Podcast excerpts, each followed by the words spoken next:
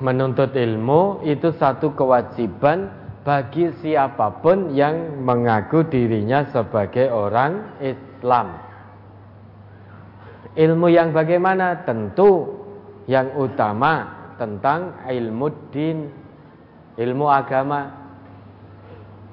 Ilmu agama yang dimaksud tentu Quran dan Sunnah. Karena dengan ilmu itu kita akan tahu mana yang hak, mana yang batil. Dan nabi kita pun termasuk juga para nabi, para rasul itu tidak mewariskan, tidak meninggalkan harta warisan. Tetapi yang beliau-beliau wariskan pada kita adalah ilmu.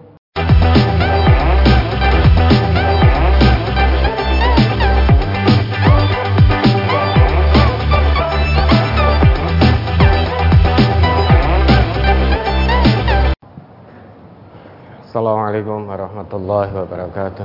Waalaikumsalam warahmatullahi wabarakatuh. Mari dimulai. Bismillahirrahmanirrahim. Ada pertanyaan dari brosur Ustaz Marjono. Ada satu pertanyaan dari brosur Ustaz. Brosur halaman 5. Saya ambilkan dari hadis yang paling atas tentang waktu pelaksanaan akikah. An Samurata qala Qala Rasulullah sallallahu alaihi wasallam Al-ghulamu murtahanun bi aqiqatihi yutbahu anhu yaumas sabi'i wa yusamma wa yuhlaku ra'suhu. Rawahu Tirmizi Dari Samura bin Jundab ia berkata Rasulullah sallallahu alaihi wasallam bersabda Anak itu tergade atau tergantung dengan akikohnya yang disembelih untuknya pada hari ketujuh di hari itu ia diberi nama dan dicukur rambutnya. Hadis riwayat Tirmizi. Pertanyaan berkaitan dengan hadis. Bagaimana cara menghitung hari? Jam berapa pergantiannya hari itu? Kemudian yang kedua, bagaimana cara pemotongan rambut? Harus bersih atau sedikit saja Ustaz? Ya menghitung hari hari ketujuh sejak hari kelahiran. Misalkan lahirnya hari Ahad. Nah, akikohnya hari apa? Sabtu. Ahad, Senin, Selasa, Rabu, Kamis, Jumat, Sabtu. Jadi hari ketujuh kalau lahir hari Ahad maka akikohnya hari Sabtu. Itu yang pertama. Kemudian yang kedua cara mencukur rambut karena rambut bayi yang lahir dari rahim ibu itu adalah kotoran maka dihilangkan. Dihilangkan semua ya, digundul biar bersih dari kotoran yang menempel di kepala anak yang baru lahir. Jadi rambut saat bayi keluar dari rahim ibu itu kotoran. Maka bersihkan semuanya digundul. Biar bersih semua. Biar hilang semua kotoran yang ada. Ya ada lagi? Uh, mohon maaf Seth yang dimaksud dalam satu hari misalnya hari akad ini mulai dari jam berapa sampai jam berapa gitu Seth yang dimaksud dari penanya hari ahad ya. Misalkan lahir hari ahad. Misalkan lahirnya ah, ahad sebelum maghrib. Maka dihitung sejak hari sejak jam itu karena pergantian dalam Islam hari itu pergantiannya dimulai sejak maghrib. Kalau dalam Islam itu sudah berganti harinya maka kalau lahirnya hari Ahad sore misalkan Ya dihitung sejak jam itu. Terakhir batasnya Sabtu sebelum sebelum maghrib.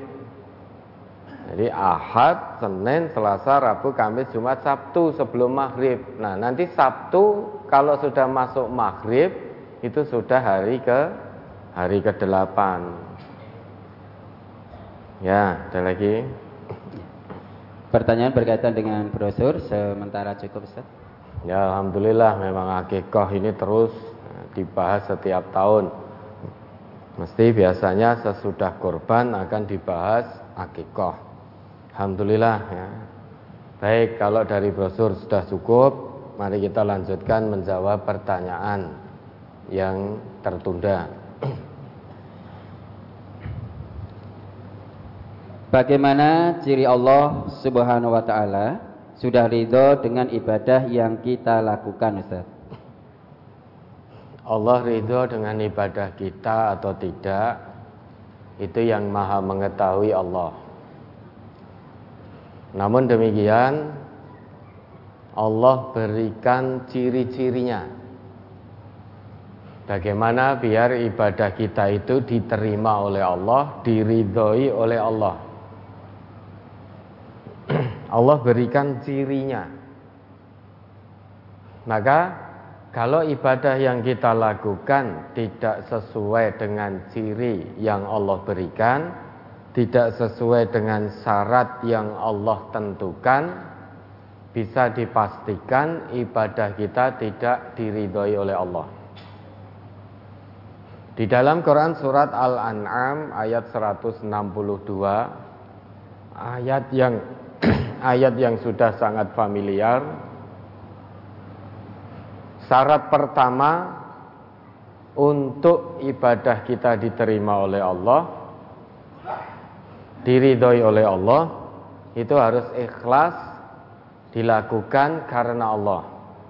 Kul inna solati wa nusuki wa mahyaya wa mamati lillahi rabbil alamin. Ayat itu kalau diperinci itu kurang lebih Kul inna solati lillahi rabbil alamin. Inna nusuki lillahi rabbil alamin. Wa mahyaya lillahi rabbil alamin. Wa mamati lillahi rabbil alamin. Katakan Muhammad Sesungguhnya solatku Ibadah nusukku hidupku. Jadi semua aktivitas hidup kita bahkan sampai mati kita pun lillahi rabbil alamin. Hanya untuk Allah Tuhan semesta alam. Sehingga ibadah yang dilakukan bukan lillah tujuannya bukan mengharap ridha Allah, bukan karena Allah, bisa dipastikan ibadah itu tidak akan diterima oleh Allah. Maka semua ibadah yang kita lakukan apa pun itu itu harus lillah. Bukankah manusia diciptakan oleh Allah yang utama adalah untuk ibadah? Wa ma khalaqtul jinna wal insa illa liya'budun. Maka dalam setiap aktivitas hidup kita sebagai manusia harus mampu menghadirkannya sebagai nilai ibadah kepada Allah. Termasuk saat kita bekerja. Termasuk saat kita mau tidur, bangun tidur, masuk ke toilet, itu harus ada nilai ibadahnya. Maka dalam Islam kita diajarkan untuk melakukan satu perbuatan biar itu ada nilai ibadahnya maka diawali dengan doa. Sampai masuk ke toilet pun harus ada nilai ibadahnya bagi umat Islam. Maka dituntunkan oleh Nabi kita tidak hanya sekedar masuk toilet. Kalau hanya sekedar masuk buang hajat orang yang tidak beriman kepada Allah pun juga melakukan demikian Selesai buang hajat, ya sudah selesai. Mereka orang-orang yang tidak beriman, orang-orang kafir, tidak mendapatkan pahala di sisi Allah. Beda dengan orang yang muslim, buang toilet pun ada pahalanya. Saat kita masuk toilet, diawali dengan kaki kiri, melangkah kaki kiri, kemudian dengan doa. Keluarnya pun juga diatur tidak asal melangkah, namun dengan kaki kanan keluar dari toilet dan juga dengan doa. Itu yang membedakan. Saat hubungan suami istri, mereka orang-orang yang tidak beriman juga melakukan itu. Namun tidak ada nilai ibadahnya. Yang membedakan kita orang yang beriman dengan mereka saat hubungan suami istri pun ada nilai ibadahnya. Diawali dengan doa, ada nilai ibadah. Kata Nabi kita, barang siapa di antara kalian yang mendatangi istrinya kemudian berdoa Bismillahi Allahumma jannibna syaiton wa jannibis syaiton ma razaqtana. Idza qudiya bainahuma waladun lam yadurrahu Barang siapa salah seorang di antara kalian mendatangi istrinya Kemudian berdoa Bismillah Allahumma jannibna syaiton Ya Allah jauhkan kami dari seton Wajan nibis syaiton ma rozaktana Dan jauhkan seton dari rezeki yang engkau anugerahkan kepada kami. Fa'idha qudiya bainahuma waladun. Kemudian ditakdirkan oleh Allah Melalui hubungan keduanya seorang anak. Lam yadurrahu maka setan tidak akan bisa memberi madorot kepadanya. Ini ada nilai ibadahnya. Kepingin boleh neng kita ini orang Islam harus beda dengan orang yang tidak beriman kepada Allah Ojo kaya pitik langsung makbruk-makbruk gitu. Langsung tubruk jangan. Ya, awali dengan doa. Biar hubungan kita suami istri ada nilai ibadahnya dan dilakukan lillah karena Allah. Karena tujuan manusia hidup itu untuk ibadah kepada Allah, tidak ada yang lain. Tujuan utamanya itu.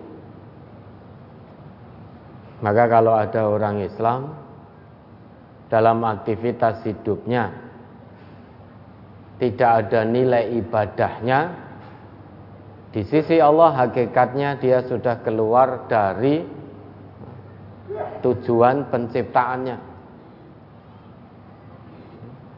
maka Allah ridho atau tidak terhadap ibadah kita syarat pertama tidak bisa ditawar-tawar lagi itu harus lillah semua untuk Allah kita bekerja untuk Allah karena Allah yang perintahkan. Allah perintahkan kita untuk bekerja. Kulu mimma fil ardi halalan thayyiba. Makanlah sebagian yang ada di bumi yang halal lagi baik. Nah, ini perintah bekerja. Belum lagi Allah perintahkan Huwallazi ja'ala lakumul arda dzalula famshu fi manakibiha wa kulu mir rizqihi dia Allah yang telah menjadikan bumi ini mudah untuk kamu jelajahi. Oleh karenanya, famshu fi manakibiha. Jelajahi seluruh penjuru bumi. Untuk apa? Wakulu rizki. Untuk menjemput sebagian dari rezeki yang sudah Allah tetapkan untuk kita. Ini perintah bekerja dari Allah. Maka orang yang beriman bekerja bukan lil fulus, bukan untuk uang. Ya. Bekerja lil fulus itu itu tujuan orang kafir, mereka bekerja untuk uang. Orang yang beriman bekerja lillah. Adapun uang itu bonus dari Allah sudah. Semua itu kalau sudah lillah, yakinlah dunia akan disertakan oleh Allah. Sehingga kalau lillah berarti kita mengejar akhirat kita. Kalau kita mengejar akhirat kita, yakinlah kita akan dikejar oleh dunia. Namun jika kita kejar dunia, yakinlah akhirat tidak akan mengejar kita. Itu bedanya. Orang yang tidak beriman itu terus hidupnya mengejar dunia. Maka dengan cara haram pun tetap dijalani. Orang yang mengejar dunia tidak akan dikejar akhirat.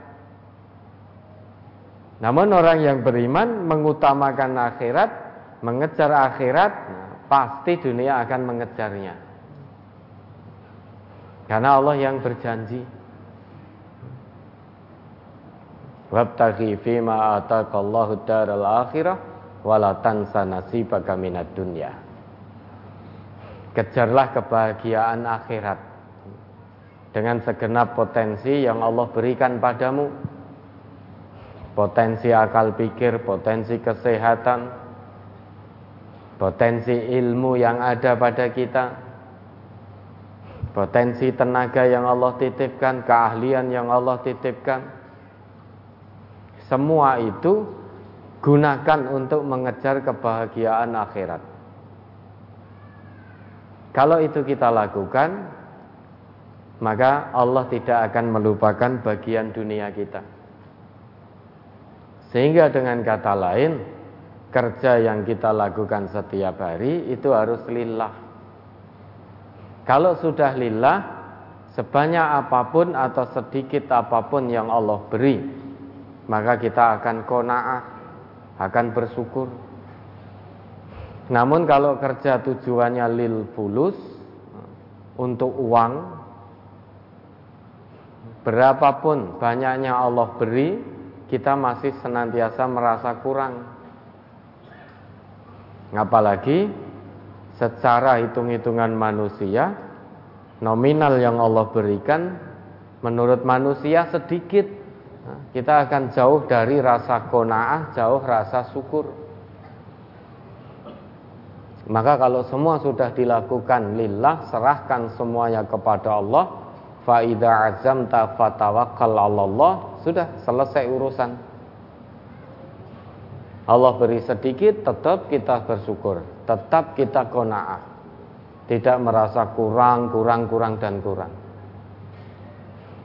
Hamba Allah yang merasa kurang atas pemberian Allah Itu kata Nabi Itu hamba yang tidak bersyukur. Sudah berusaha maksimal Allah beri maksimal pula sesuai kebutuhannya mendekat kepada Allah. Kalau kita masih merasa kurang, kata Nabi kita bukan hamba Allah yang bersyukur. Maka Nabi perintahkan kun konian takun ashkaron nas. Jadilah kamu orang yang ber, yang konaah. Niscaya kamu akan jadi orang yang paling bersyukur kepada Allah. Untuk bisa kona'ah tidak mungkin tanpa lillah. Sehingga syarat utama agar ibadah atau kebaikan yang kita lakukan diterima oleh Allah itu harus lillah. Kemudian syarat kedua itu ittiba'u Rasulillah. Coba diingat kembali itu Quran surat Ali Imran ayat 31.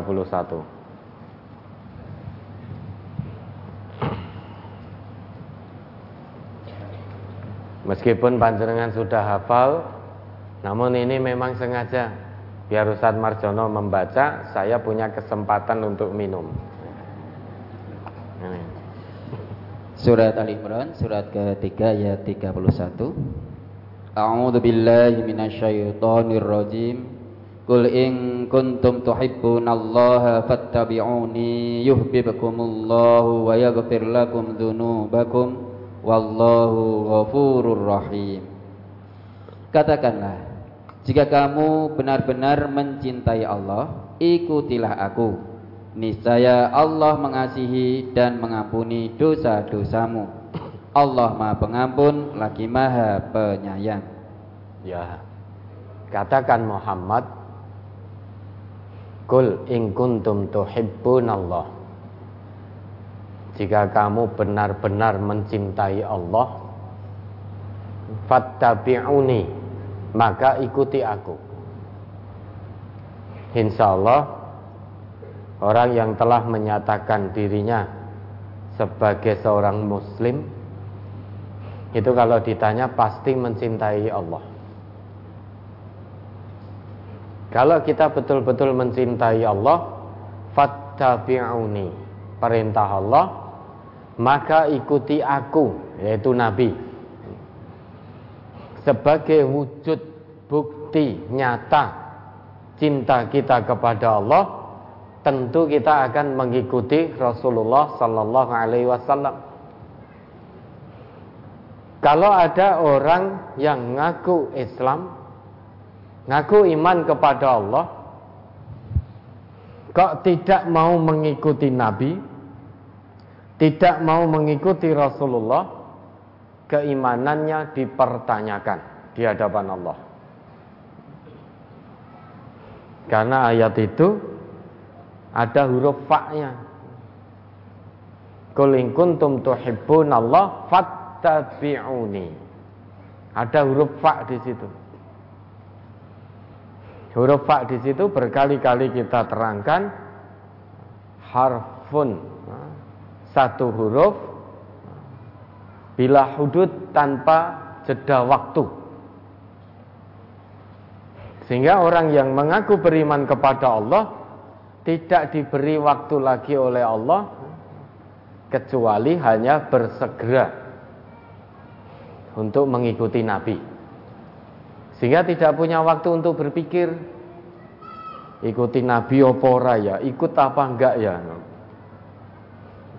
Kalau imannya sodik, maka apa pun yang datangnya dari Nabi tanpa pikir panjang, pasti akan dia ikuti apa yang datangnya dari Nabi.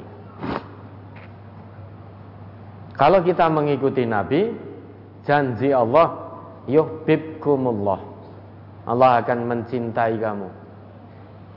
Mencintai kamu berarti amal kebaikan kita diterima oleh Allah. Selain itu, wayakfir lakum dzunubakum.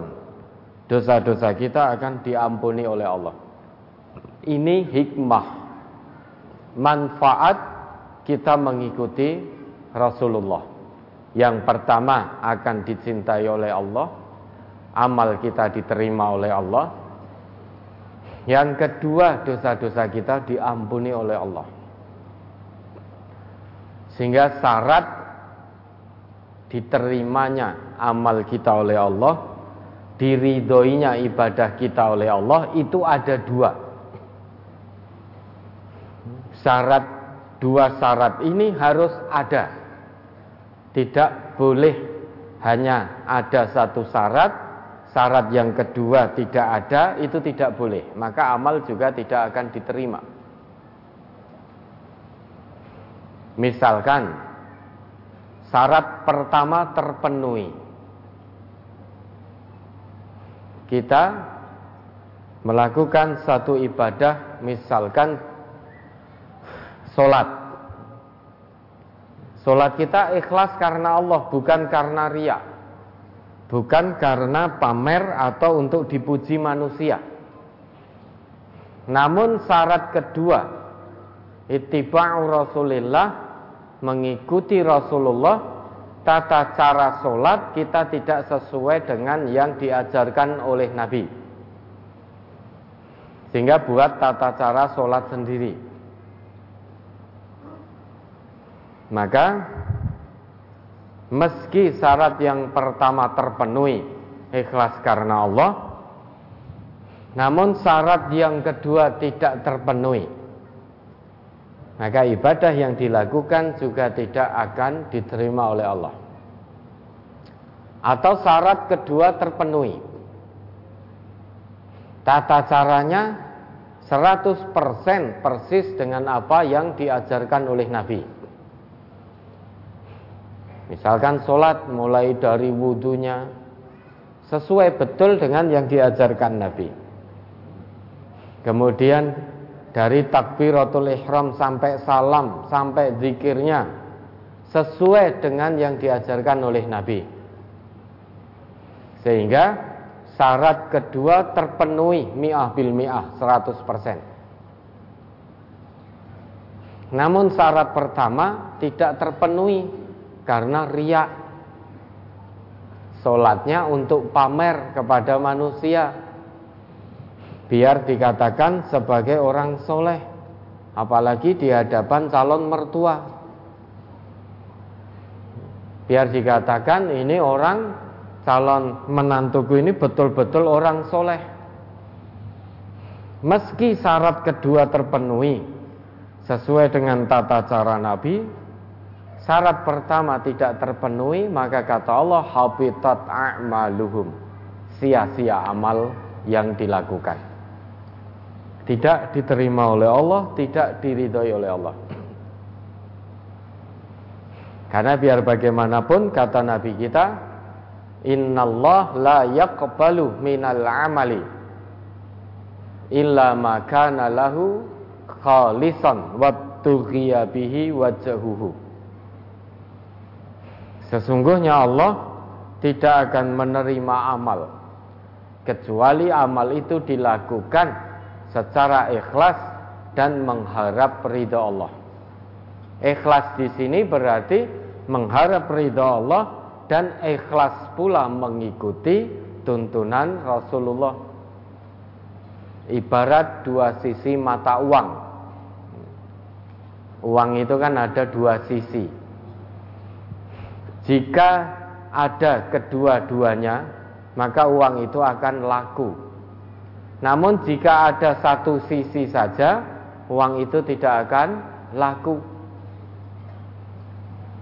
lebih lebih lebih lagi pahala itu menurut Allah bukan menurut manusia. Laisa bi amaniyikum wala amaniyi ahlil kitab. Pahala itu bukan menurut kamu dan juga bukan pula menurut ahli kitab. Sehingga amalan seseorang diterima atau tidak Allah sudah berikan syaratnya. Allah sudah berikan ketentuannya. Maka kewajiban kita tinggal semaksimalnya beramal soleh, beribadah sesuai dengan dua syarat yang ditetapkan oleh Allah yaitu ikhlas lillah, ikhlas karena Allah dan juga ittiba'u Rasulillahi sallallahu alaihi wasallam mengikuti ittiba mengikuti Rasulullah sallallahu alaihi wasallam. Kenapa? Karena satu amalan yang dilakukan tanpa dasar, tanpa contoh dari Nabi, fahuwa raddun, maka akan tertolak.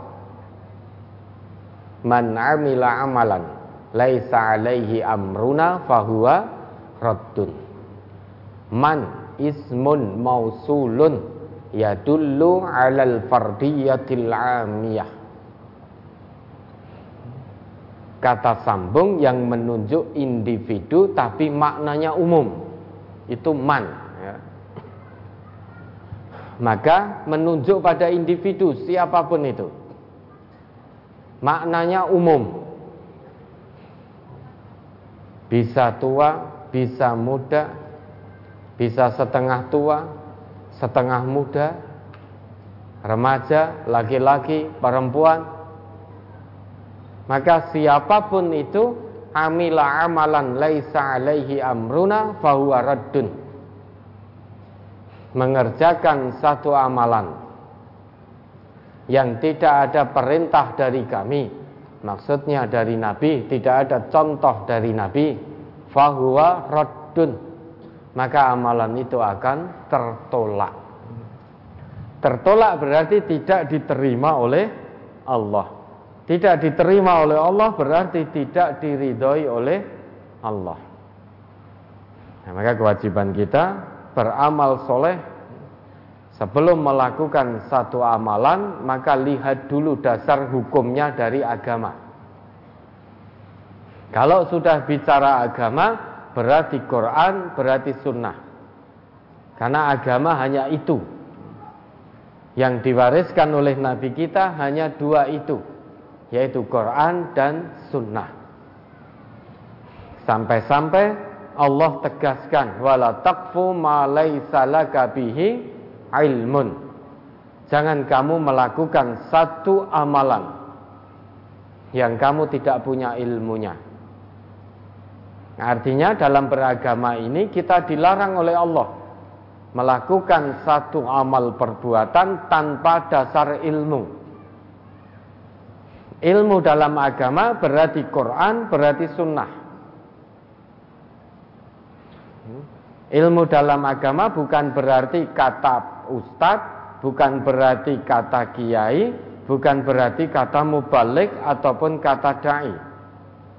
Namun ilmu dalam agama yaitu Quran dan sunnah. Sehingga siapa pun yang menyampaikan atau Quran dan sunnah itu keluar dari lesan siapa pun, tidak harus keluar dari seorang ustadz, tidak harus keluar dari lesan kiai, tidak harus keluar dari seorang dai ataupun mubalik. Kalau yang keluar dari lesan fulan itu Quran dan Sunnah, kewajiban kita taslim tanpa merasa keberatan. Bukan berarti kita mengikuti orang yang menyampaikan, tetapi kita mengikuti apa yang disampaikan. Taslim kepada apa yang disampaikan Bahkan jika Quran dan Sunnah itu keluar dari seorang budak yang hidungnya rumpung sekalipun, namun kalau budak itu menyampaikan Quran dan Sunnah, seorang petinggi, seorang pejabat, seorang yang kaya raya, kalau dia ngaku beriman kepada Allah, kewajibannya taslim dengan sepenuh hati. Wa yusallimu taslimah. Maka indah sekali Islam.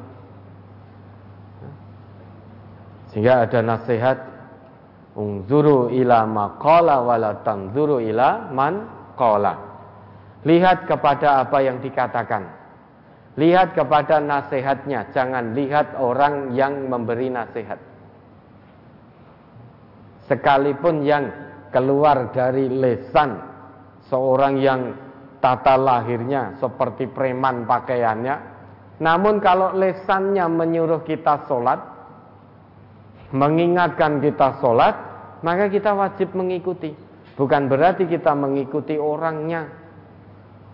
Namun taslim kepada apa yang tersampaikan melalui lesannya.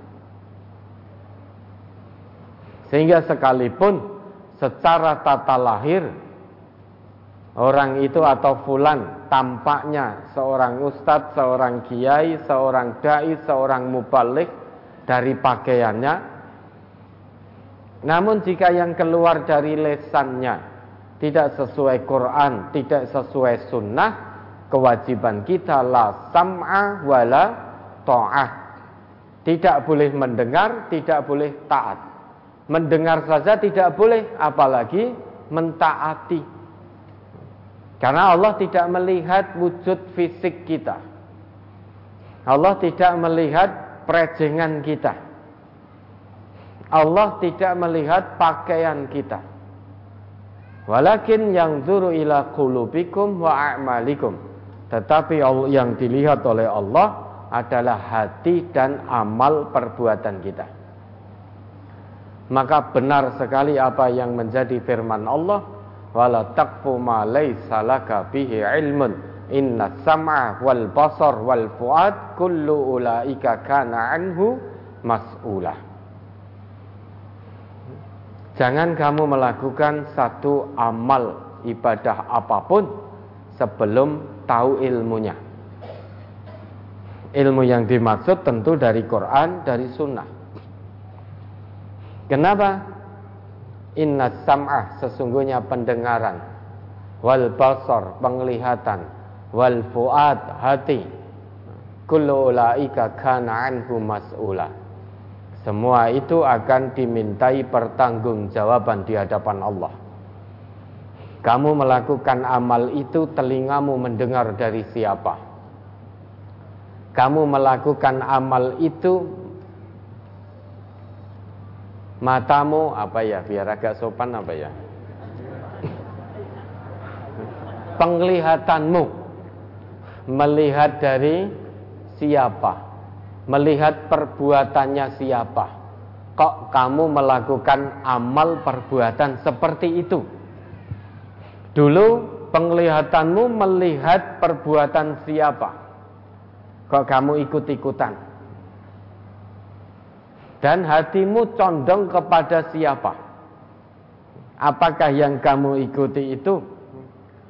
Yang kamu dengar, yang kamu lihat, yang kamu condong hatimu itu betul-betul berdasarkan ilmu, berdasarkan ketetapan dari Allah, ketetapan dari Rasulullah atau tidak. Semuanya itu akan dimintai pertanggungjawaban oleh Allah. Maka kita berusaha semaksimal mungkin.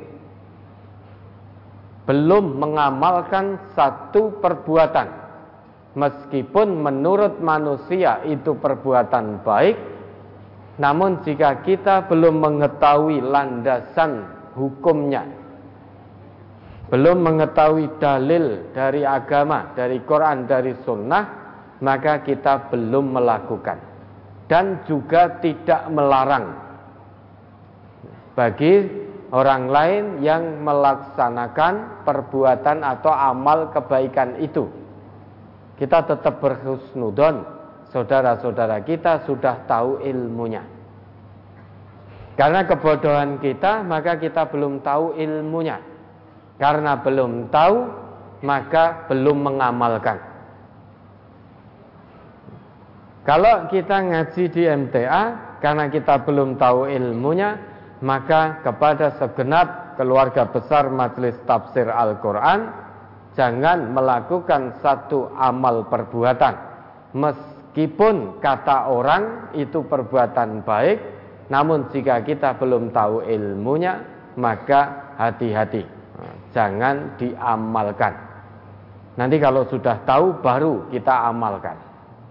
Dan pasti akan kita ajarkan kalau kita sudah tahu ilmunya nah diridhoi atau tidak ibadah kita tergantung dua syarat yang sudah Allah tetapkan tadi. Kalau terpenuhi ikhlas karena Allah dan juga ittiba'u Rasulillah, insya Allah ibadah kita akan diridhoi oleh Allah, akan diterima oleh Allah. Ya, ada lagi. Mohon penjelasan Quran surat Hud ayat 47. Dibaca ayatnya ayat 47. Quran surat Hud Surat eh, Quran surat Hud surat ke-11 ayat 47. Qala rabbi inni a'udzu bika an as'alaka ma laysa li bihi 'ilm wa illa taghfir li wa tarhamni akum minal khasirin. Nuh berkata, "Ya Tuhanku, Sesungguhnya aku berlindung kepada engkau dari memohon kepada engkau sesuatu yang aku tidak mengetahui hakikatnya. Dan sekiranya engkau tidak memberi ampun kepadaku dan tidak menaruh belas kasihan kepadaku, niscaya aku akan termasuk orang-orang yang merugi. Ini pertobatan Nabi Nuh kepada Allah. Kisah Nabi Nuh di dalam Quran surat Hud itu, itu dimulai dari ayat 25 sampai ayat 48. Nanti kalau Bapak Ibu ingin mengetahui kisah Nabi Nuh dalam Quran surat Hud, nanti di rumah bisa nanti dibaca, dipahami ayat 25 sampai 48. Kalau kisah Nabi Nuh itu kita minta beliau Ustaz Marjono membacakan khawatir kecapean nanti. Karena dari ayat 25 sampai ayat 48. Ayat 47 itu itu bentuk penyesalan, bentuk pertaubatan Nabi Nuh kepada Allah. Yang mana dengan karena ketidaktahuan Nabi Nuh saat beliau mengetahui putranya mati tenggelam karena banjir mati tenggelam beserta orang-orang yang kafir kepada Allah, maka secara manusiawi Nabi Nuh merasa bersedih hati. Sehingga saat mengetahui putranya tenggelam bersama orang-orang kafir, Nabi Nuh memohon kepada Allah. Di ayat 45-nya. Wa nada Nuhur rabbahu. Faqala rabbi inna bni min ahli. Wa inna wa'dakal haq wa anta ahkamul hakimin itu dimulai lebih detailnya dari ayat 42 saat terjadi dialog antara Nabi Nuh dengan putranya. Wa yatajri wa yatajri bihim fi maujin kal jibal. Wa nada Nuh ibnahu wa kana fi ma'zilin ya bunayyar kam ma'na wa takum ma'al kafirin. Dan bahtera itu kapal itu membawa mereka Nuh dan umatnya. Berlayar di atas ombak yang menggulung laksana gunung saking tingginya ombaknya. Di saat itu Nabi Nuh mengajak putranya saat itu putranya berada di satu tempat terpencil wagana fi ma'zilin ya bunayyar kam ma'ana wala takum ma'al kafirin. Wahai ananda sayang, naiklah bersama kami. Dan janganlah kamu bersama orang-orang yang kafir menentang Allah. Tapi dasar putra Nabi Nuh itu bergudul, hatinya keras, tertutup. Sekalipun yang menyeru adalah ayahnya yang menjadi seorang rasul, utusan Allah, pembawa kebenaran dari Allah. Namun ternyata hati itu merupakan urusan individu dengan Allah. Seorang ayah yang diangkat oleh Allah sebagai rasul pun tidak bisa memberi hidayah kepada putranya. Maka saat Nabi Nuh menyeru putranya sampai detik-detik akhir namun saat itu putranya tetap dalam kekafiran, membangkang durhaka terhadap seruan ayahnya yang mana beliau seorang rasul. Putranya menjawab, Qala sa'awi ila jabalin ya'simuni minal ma' Aku akan naik ke gunung. Logika kita kalau terjadi banjir kita naik ke tempat yang lebih tinggi seperti gunung nalar kita tidak akan tersentuh oleh banjir. Lah putra Nabi Nuh demikian. Akalnya berputar akalnya berjalan berpikir oh ini banjir daripada saya naik ke perahu bersama ayahanda beserta umatnya lebih baik saya naik ke gunung tempat yang tinggi. Niscaya ya'simuni minal ma. Gunung itu akan melindungiku dari air bah. Ditegaskan oleh Nabi Nuh. Tentu berdasarkan petunjuk dari Allah La asimal yauma min amrillah illa marrahim ayat 43-nya. Hari ini tidak ada yang dapat melindungi dari banjir ini. Dari perkara Allah dari urusan Allah ini yaitu banjir kecuali illa marrahim. Hanya Allah yang Maha Penyayang. Di tengah-tengah terjadi dialog antara Nabi Nuh dengan putra beliau. wa hala bainahumal mauju fakana minal mughraqin ombak besar menjadi penghalang antar keduanya. Sehingga Nabi Nuh dan putra beliau dipisahkan oleh ombak besar yang datang menggulung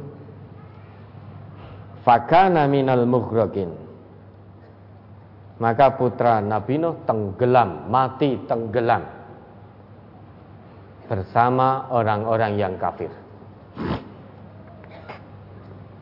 Melihat kenyataan itu, Nabi Nuh, meski beliau seorang rasul, seorang nabi, namun secara manusiawi, saat beliau melihat darah dagingnya, kulit dagingnya, buah hatinya, tenggelam bersama orang-orang kafir, mati tenggelam bersama orang-orang kafir, mati dalam azab Allah, sengsara dunia, sengsara akhirat, secara manusiawi beliau bersedih.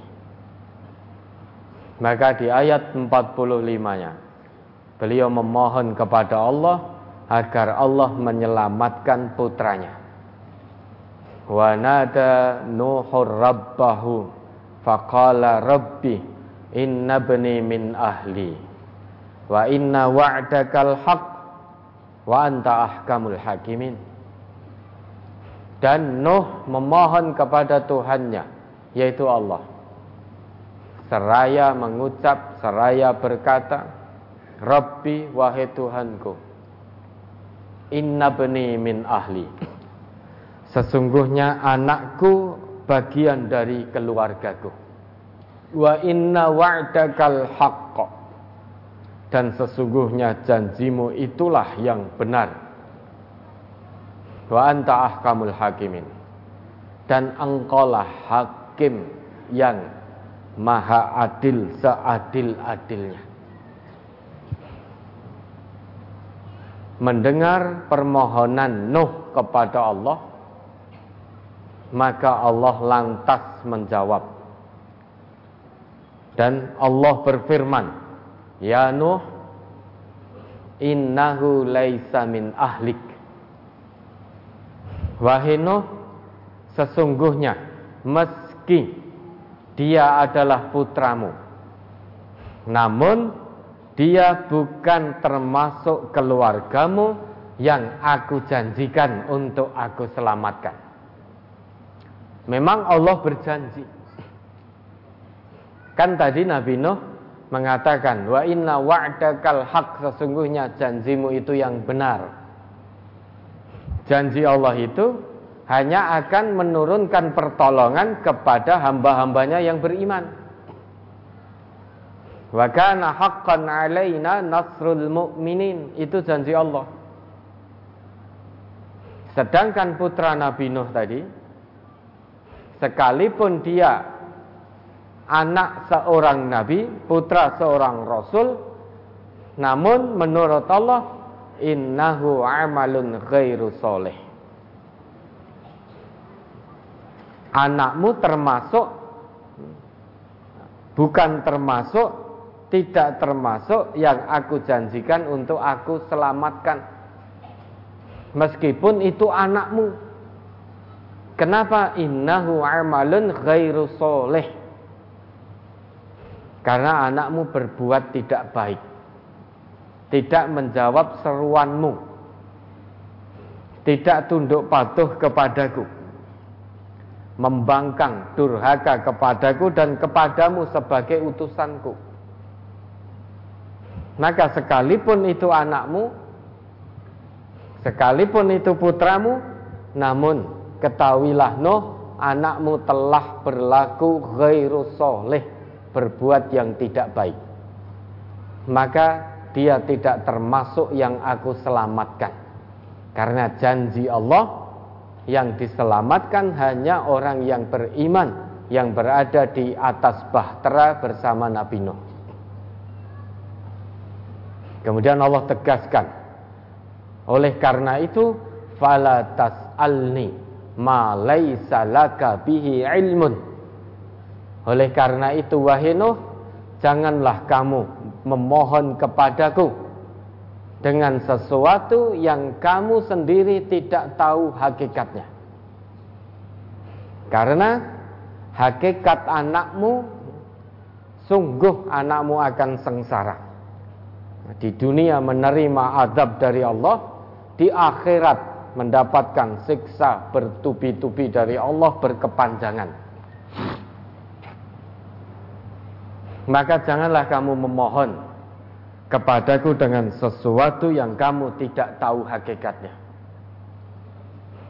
Meskipun secara manusia Nabi Nuh tadi merasa bersedih dalam bahasa Jawa gerantes melihat anaknya mati dalam kekafiran sengsara dunia sengsara akhirat.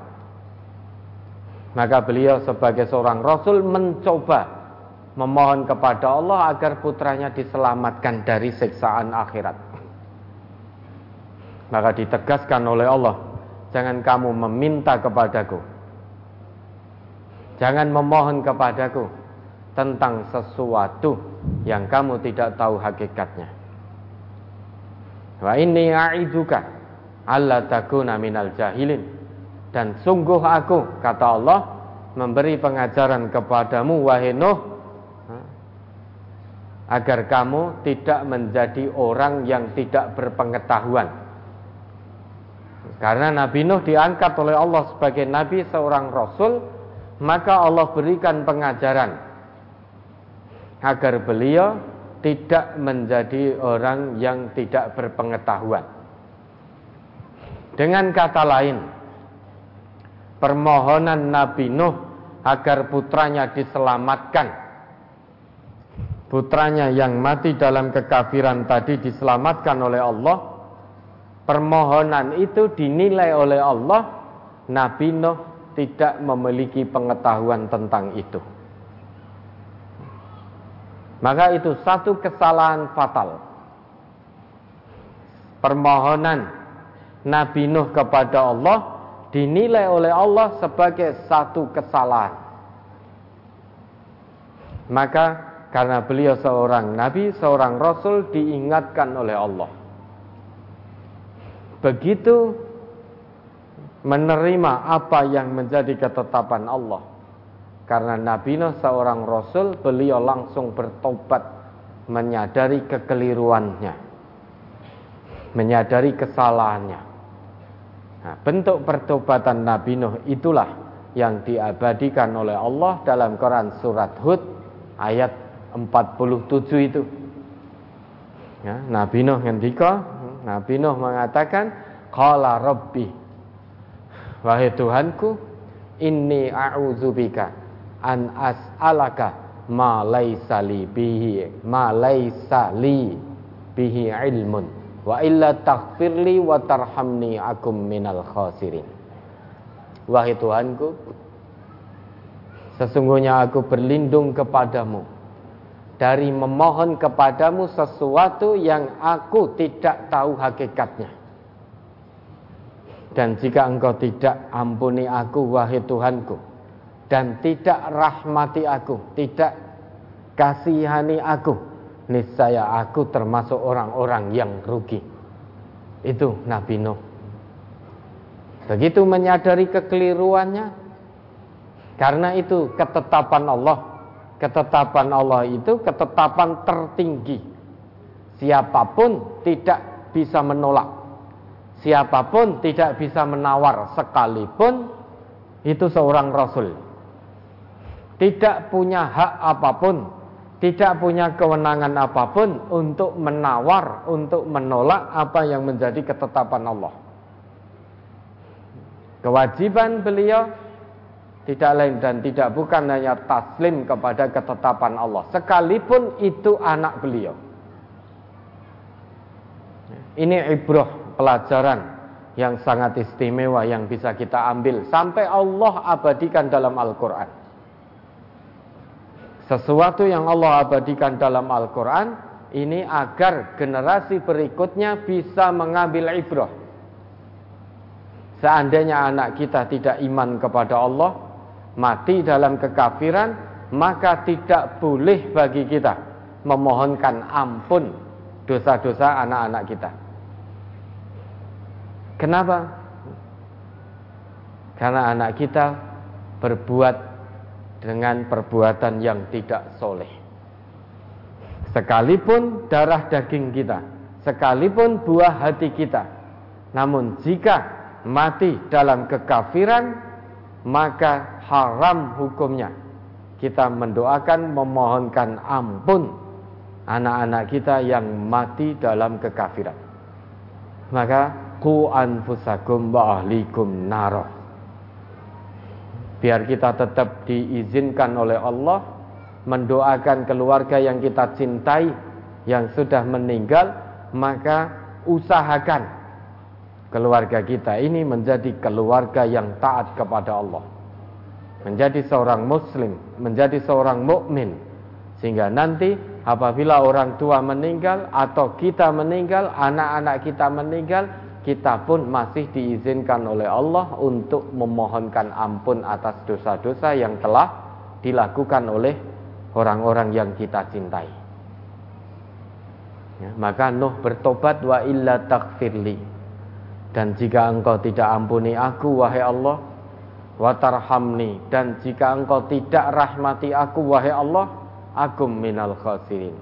Sungguh aku pasti termasuk orang-orang yang merugi Nuh, Nabi Nuh menyadari sepenuh hati Bahwa permohonan beliau kepada Allah Agar anaknya diampuni dosa-dosanya oleh Allah itu satu kesalahan di sisi Allah. Begitu menyadari itu satu kesalahan, maka beliau langsung bertobat mohon ampun kepada Allah. Ini ibrah pelajaran.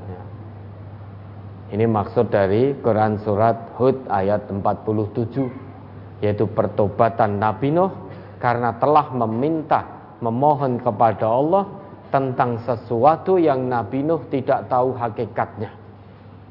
Terkait dengan putra beliau yang mati binasa tenggelam dalam kekafiran. Kesudahannya sengsara dunia, sengsara akhirat. Sekalipun itu putra Rasul, putra Nabi, namun ternyata yang namanya hati, yang namanya hidayah, itu urusan Allah dengan individu masing-masing. Seorang rasul pun tidak mampu, tidak kuasa untuk memberi hidayah kepada buah hatinya. Yang namanya hidayah itu hanya urusan Allah dengan individunya. Maka Nabi pun juga demikian. Oleh Allah diberitahu, diberi pendidikan dan pengajaran bahwa engkau Muhammad tidak akan bisa memberikan hidayah pada orang yang kamu cintai. Tetapi yang namanya hidayah Allah, hidayah itu mutlak kuasa Allah. Mutlak kewenangan dari Allah. Kewajiban kita hanya menyampaikan apa yang menjadi kebenaran dinullah. Perkara diterima atau tidak sudah bukan urusan kita. Kewajiban kita hanya terus menyampaikan sampai kapan selama hayat masih dikandung badan selama keluarga kita juga masih diberi nyawa oleh Allah mengacu pada kisah Nabi Nuh sampai detik-detik terakhir. Begitu pula mengacu pada kisah Nabi Muhammad yang berusaha mengajak paman beliau Abu Talib hingga detik-detik terakhir.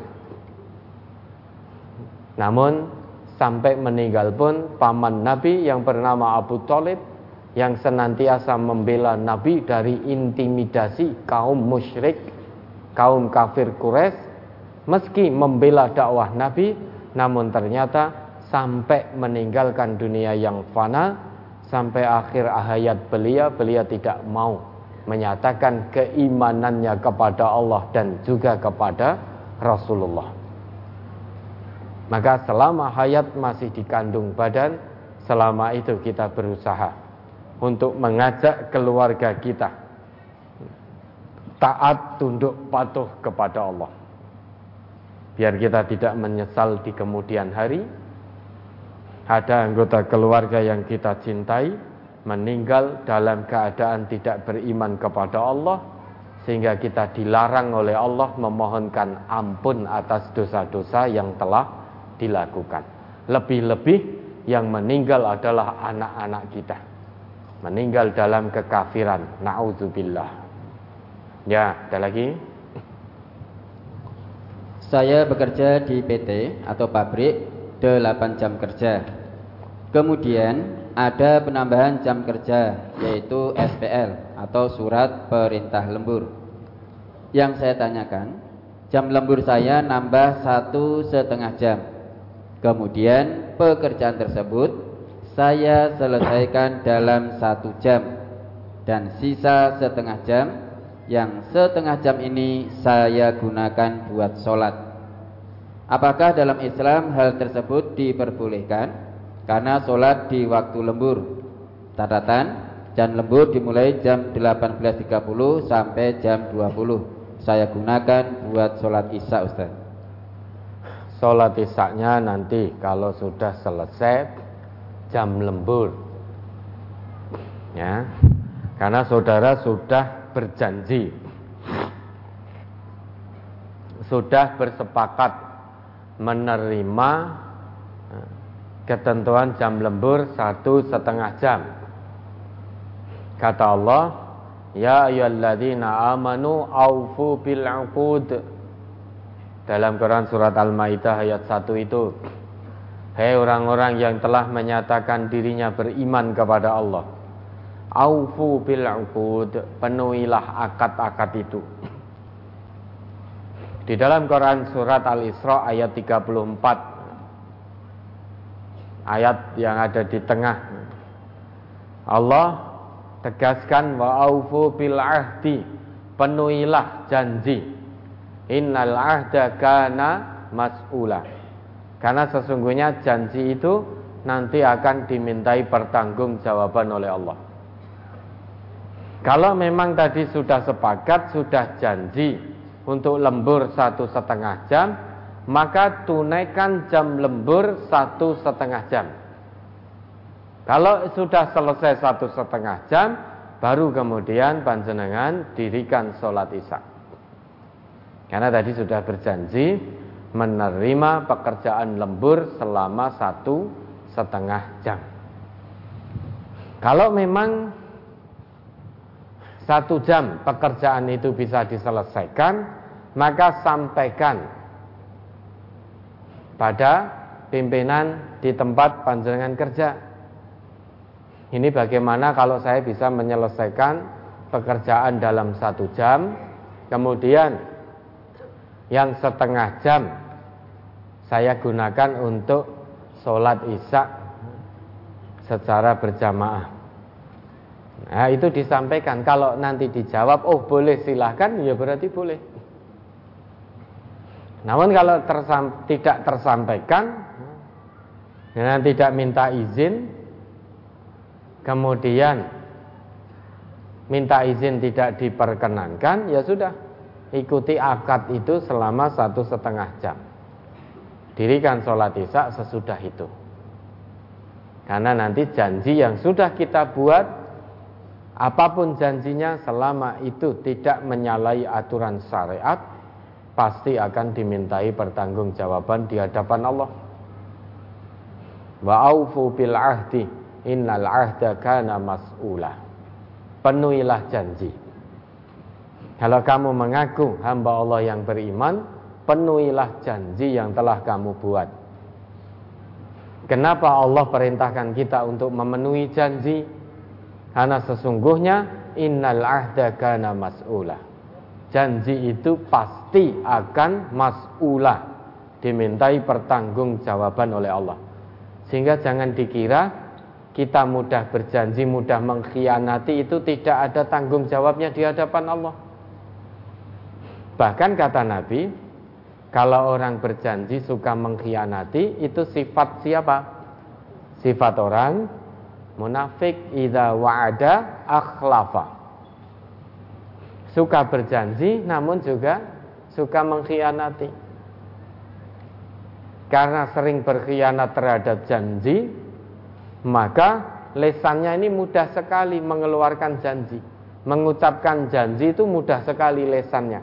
Padahal hatinya punya niat nanti tidak akan melakukan apa yang menjadi janji yang keluar dari lesan. Banyak di antara kita yang berjanji. Namun ternyata banyak pula yang menyelesi mengkhianati janjinya. Ini besok jadi panitia korban ya. Gih, siap. Itu janji sudah. Ternyata tidak datang.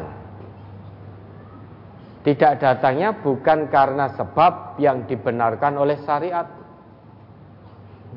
Karena rasa malas. Karena ternyata pergi dengan keluarga ke tempat wisata. Padahal sebelumnya sudah berjanji. Besok jadi panitia korbannya. Gih, siap. Itu sudah janji. Ternyata tidak datang tanpa pemberitahuan sehingga mengkhianati janji.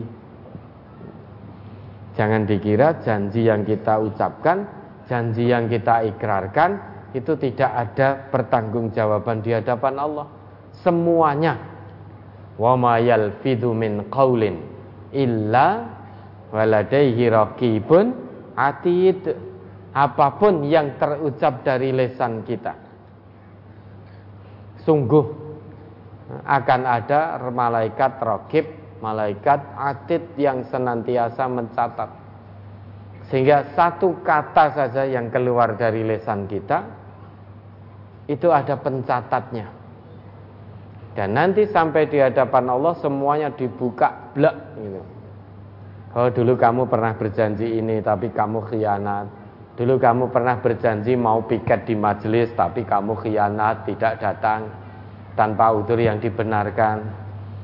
Dulu kamu berjanji ya mau tugas sabilillah ke majelisan tapi kamu khianat. Itu semua tertulis, tercatat. Dan janji-janji itu akan dimintai pertanggungjawaban oleh Allah.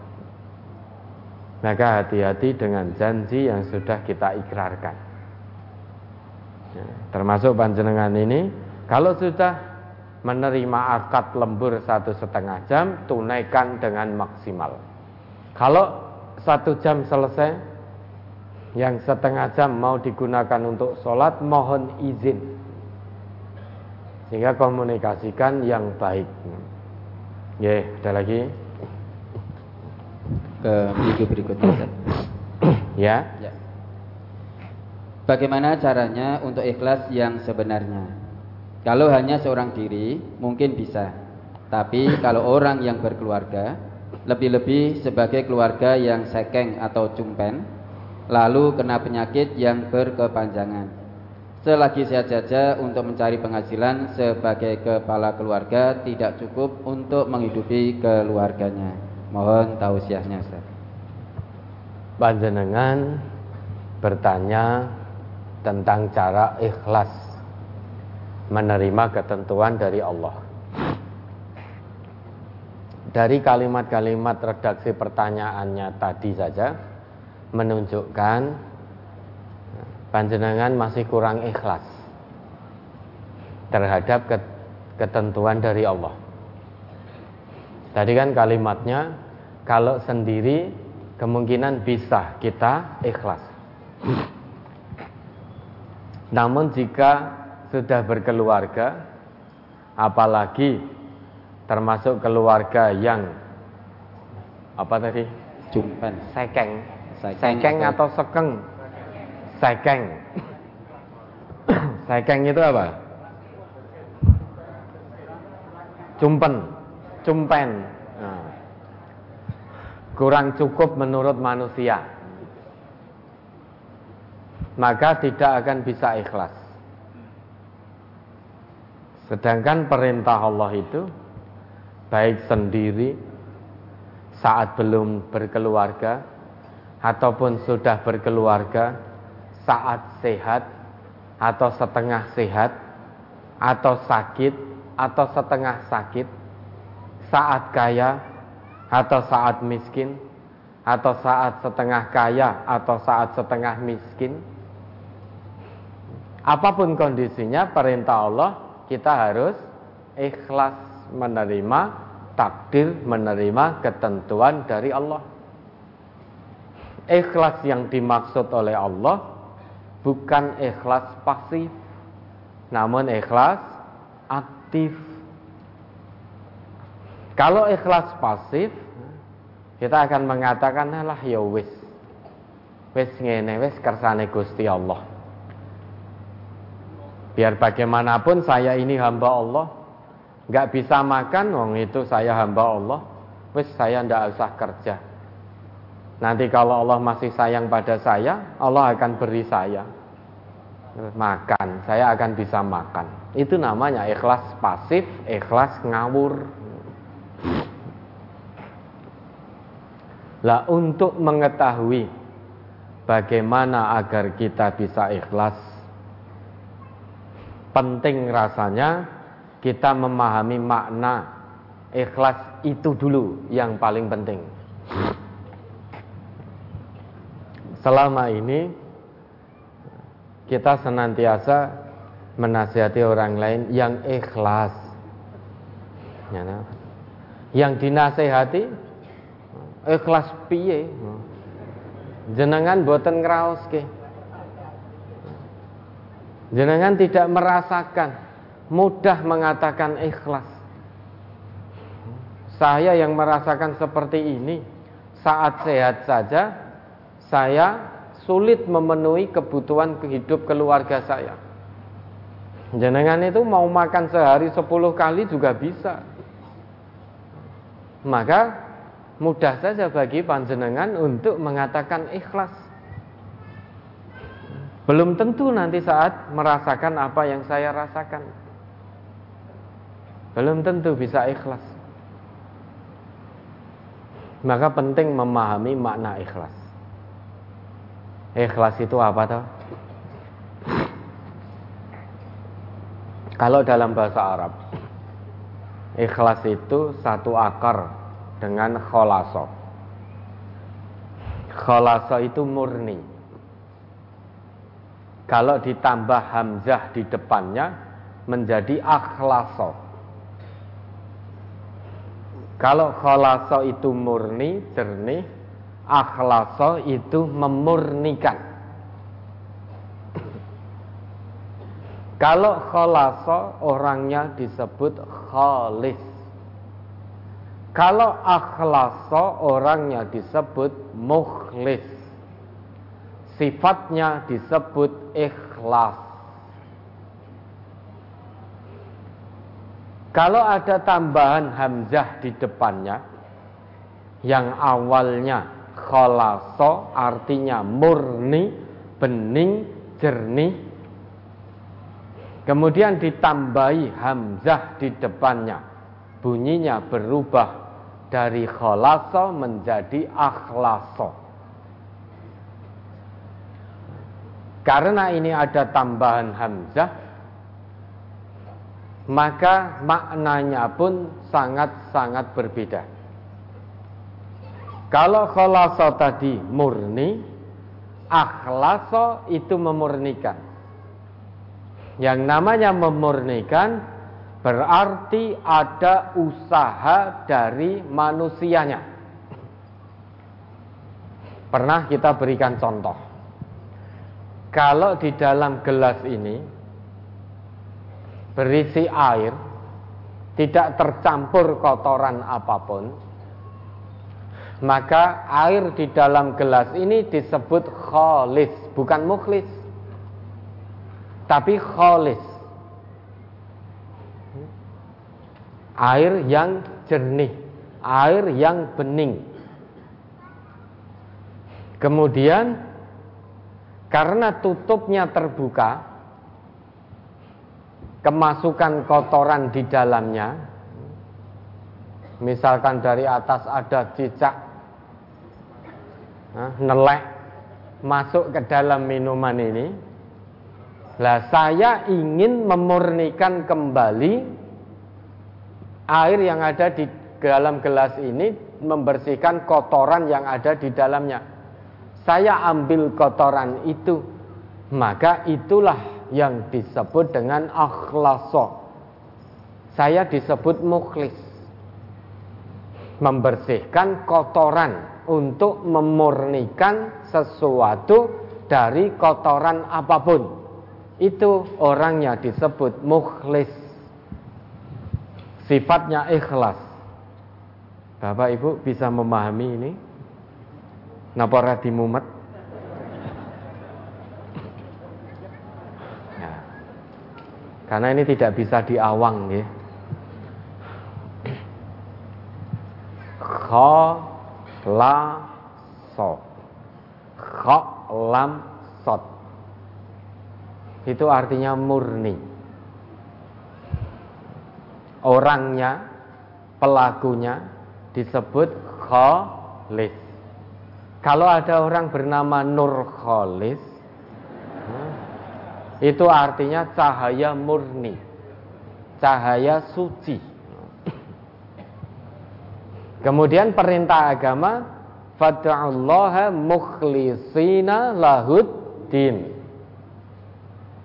Ada kholis, ada mukhlis. Kalau kholis berarti sesuatu itu murni.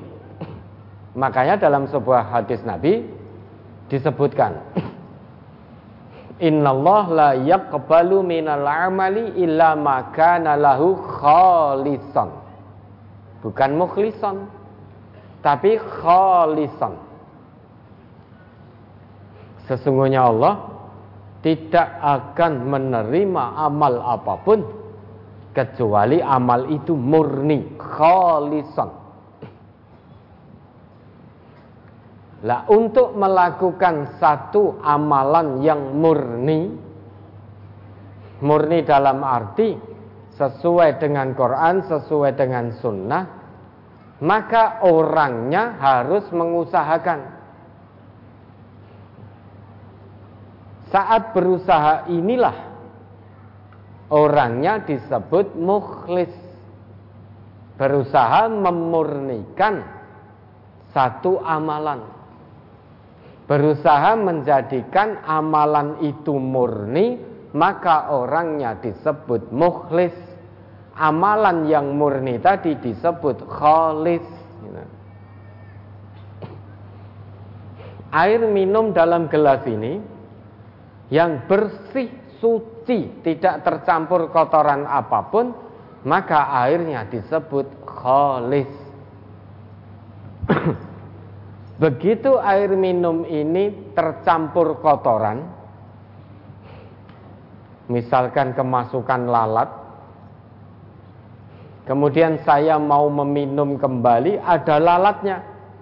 Saya ambil lalat itu, berarti perilaku saya, saya berusaha memurnikan kembali air yang tadi murni kemudian bercampur kotoran, saya ambil kotorannya biar airnya kembali menjadi murni seperti semula. Itu namanya mukhlis.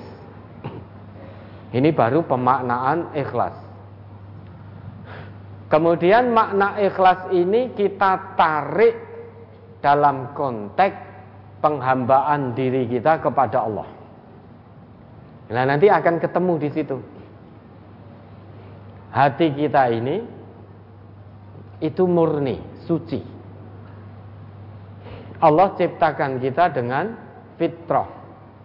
Fitrah itu kesucian hati, kemurnian hati, kesiapan dan kesanggupan serta kemauan dan kemampuan untuk menjalankan agama tauhid. Sehingga dari manusia pertama sampai manusia terakhir. Itu diciptakan oleh Allah dengan hati yang suci, tidak terkotori oleh penyakit apa pun.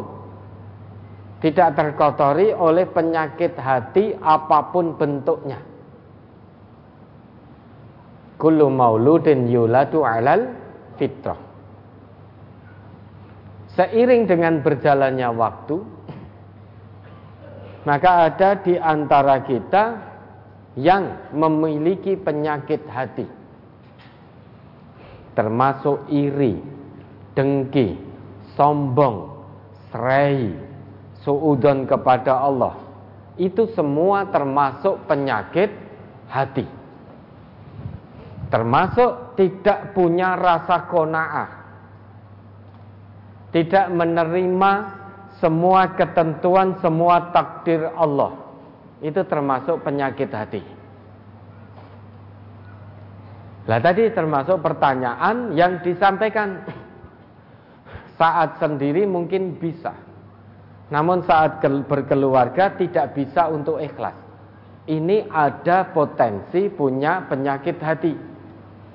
Karena tidak yakin dengan janji Allah tidak yakin sepenuh hati. Menerima janji Allah hanya dengan akal manusianya saja. Bukan dengan hatinya yang murni. Kalau hanya menerima janji Allah dengan akal pasti kita akan menolak janji Allah. Karena banyak janji Allah yang memang itu wilayah hati bertolak belakang dengan akal manusia kita pada awalnya. Sehingga tidak untuk diterima dengan akal dulu. Harus diterima dengan hati dulu. Karena itu janji yang hanya bisa diterima dengan hati, dengan kebeningan hati. Akalnya nanti akan membuktikan sesudah hati kita menerima janji Allah dengan tanpa keraguan. Kalau pertama kali kita menerima janji Allah dengan akal, kita akan menolak. Fir'aun Fir'aun itu secara akal bukan bodoh, pandai dia, cerdas, intelektual. Korun cerdas, Haman cerdas. Dulu sebelum ilmu teknologi, ilmu pengetahuan maju seperti zaman ini, Haman itu sudah membuat tangga menjulang tembus mega atas perintah Fir'aun agar Fir'aun bisa naik ke atas melihat Tuhannya Musa. Karena Fir'aun waktu itu taunya bahwa Tuhannya Musa itu ada di atas A.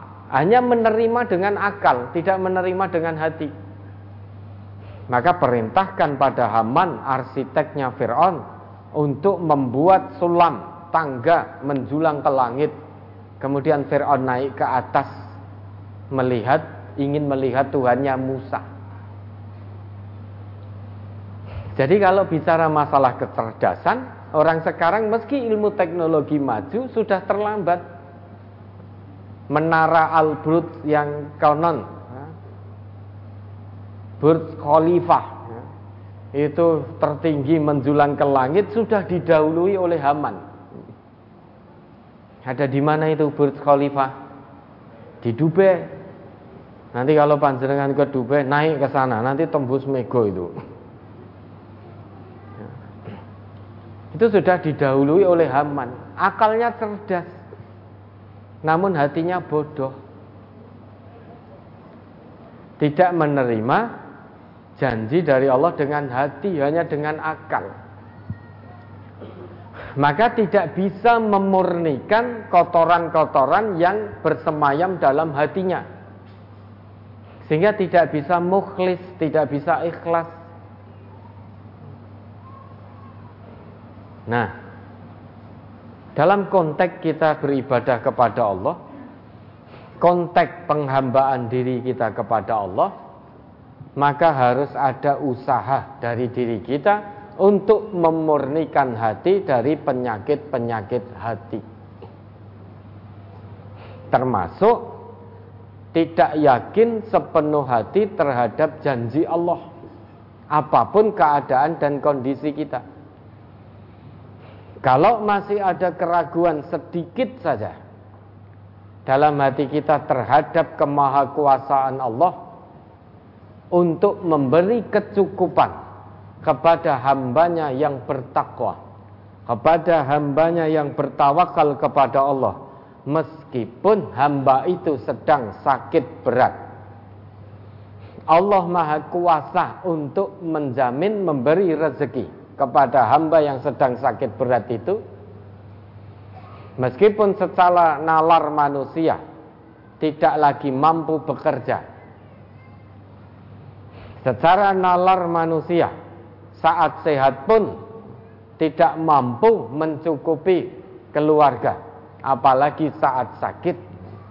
Kalau kita meragukan kemahakuasaan Allah, meragukan bahwa Allah itu Ar-Razzaq, Maha Pemberi rezeki, sedikit saja ada keraguan itu, maka ketahuilah ada penyakit dalam hati kita. Oleh karenanya, penyakit ini harus dibersihkan, harus dijernihkan, sehingga hati kita kembali kholis, kembali murni. Usaha kita untuk menjernihkan hati dari penyakit-penyakit hati ini dan pada akhirnya meyakini sepenuh hati terhadap janji Allah itulah yang dinamakan dengan ikhlas. Maka kalau kita belum berusaha menjernihkan penyakit hati, masih tidak yakin 100% kepada janji Allah, maka kita pun belum bisa ikhlas lebih mengedepankan akal daripada hati. Itu orang yang tidak ikhlas, yang belum ikhlas, itu lebih mengedepankan akal daripada hati. Lebih mengedepankan nalar daripada hati. Menjadi terbolak balik. Padahal janji Allah ini terima dulu dengan hati. Perkara akal belum bisa menerima. Kalau kita terima sepenuh hati, akal akal akan dibuktikan oleh Allah. Akal kita nanti akan mengatakan, "Oh, ternyata betul janji Allah." Oh, ternyata saya sakit berat saat ini. Ternyata betul tetap tunduk patuh pada Allah, ternyata jaminan dari Allah nyata adanya akalnya akan membuktikan itu. Dijadikan oleh Allah membuktikan janji-janji yang diterima dengan sepenuh hati. Ini ikhlas. Sehingga dengan kata lain, definisi ikhlas dalam konteks penghambaan diri kita kepada Allah, ikhlas itu adalah puncak keimanan dan sifat tawakal dari seorang hamba dalam menerima, merespon, dan menjalankan semua ketetapan Allah. Itulah ikhlas. Sehingga puncak keimanan seorang hamba dan puncak sikap tawakal, penyerahan diri sepenuhnya seorang hamba kepada Allah zahiran wa batinan. Baik secara fisik maupun secara hati. Baik secara akal maupun secara hati. Serahkan semuanya kepada Allah. Tawakal sepenuhnya kepada Allah. Dalam menerima takdir Allah. Ketentuan Allah. Bukan hanya menerima saja misalkan saat ini Allah takdirkan kita sakit sakitnya tidak ringan, sakitnya berat. Maka usahakan fisik boleh sakit, hati tidak boleh sakit. Hati tetap bertaut kepada Allah. Biar tidak suudon kepada Allah, tetap husnudon kepada Allah, prasangka baik kepada Allah. Yakin dengan janji Allah, la yukallifullahu nafsan illa wus'aha. Allah Tuhanku tidak membebani tidak membebani diriku di luar kemampuanku. Allah uji saya dengan penyakit berat ini karena Allah sayang kepadaku. Allah hendak gugurkan dosa-dosaku. Allah hendak membersamaiku. Itu sikap menerima, merespon. Sehingga tidak menerima saja. Kalau hanya sebatas menerima, nanti hasilnya ikhlas pasif. Kalau ikhlas pasif, kita akan suudan kepada Allah. Ya Allah, kenapa harus saya ya Allah? Saya sudah sholat lima waktu berjamaah. Saya sudah puasa. Saya sudah zakat. Saya sudah infak. Saya sudah sedekah. Saya sudah umroh. Saya sudah haji. Kenapa penyakit ini harus engkau timpakan pada saya? Sedangkan engkau berjanji bahwa engkau akan menolong hambamu yang beriman. Kenapa tidak fulan yang engkau timpakan dengan penyakit ini? Fulan tidak sholat, fulan tidak zakat, fulan tidak infak, tidak puasa, tidak sedekah, tidak haji, tidak umroh, tidak membantu orang lain yang membutuhkan tapi kenapa fulan sehat-sehat saja? Tapi kenapa fulan rezekinya lancar-lancar saja? Mana janjimu wahai Allah? Akhirnya muncul suudon seperti itu kepada Allah. Itu kalau pasif, kalau ikhlas pasif.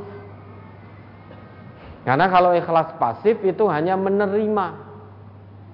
Sedangkan ikhlas aktif setelah menerima maka akan merespon takdir dari Allah itu.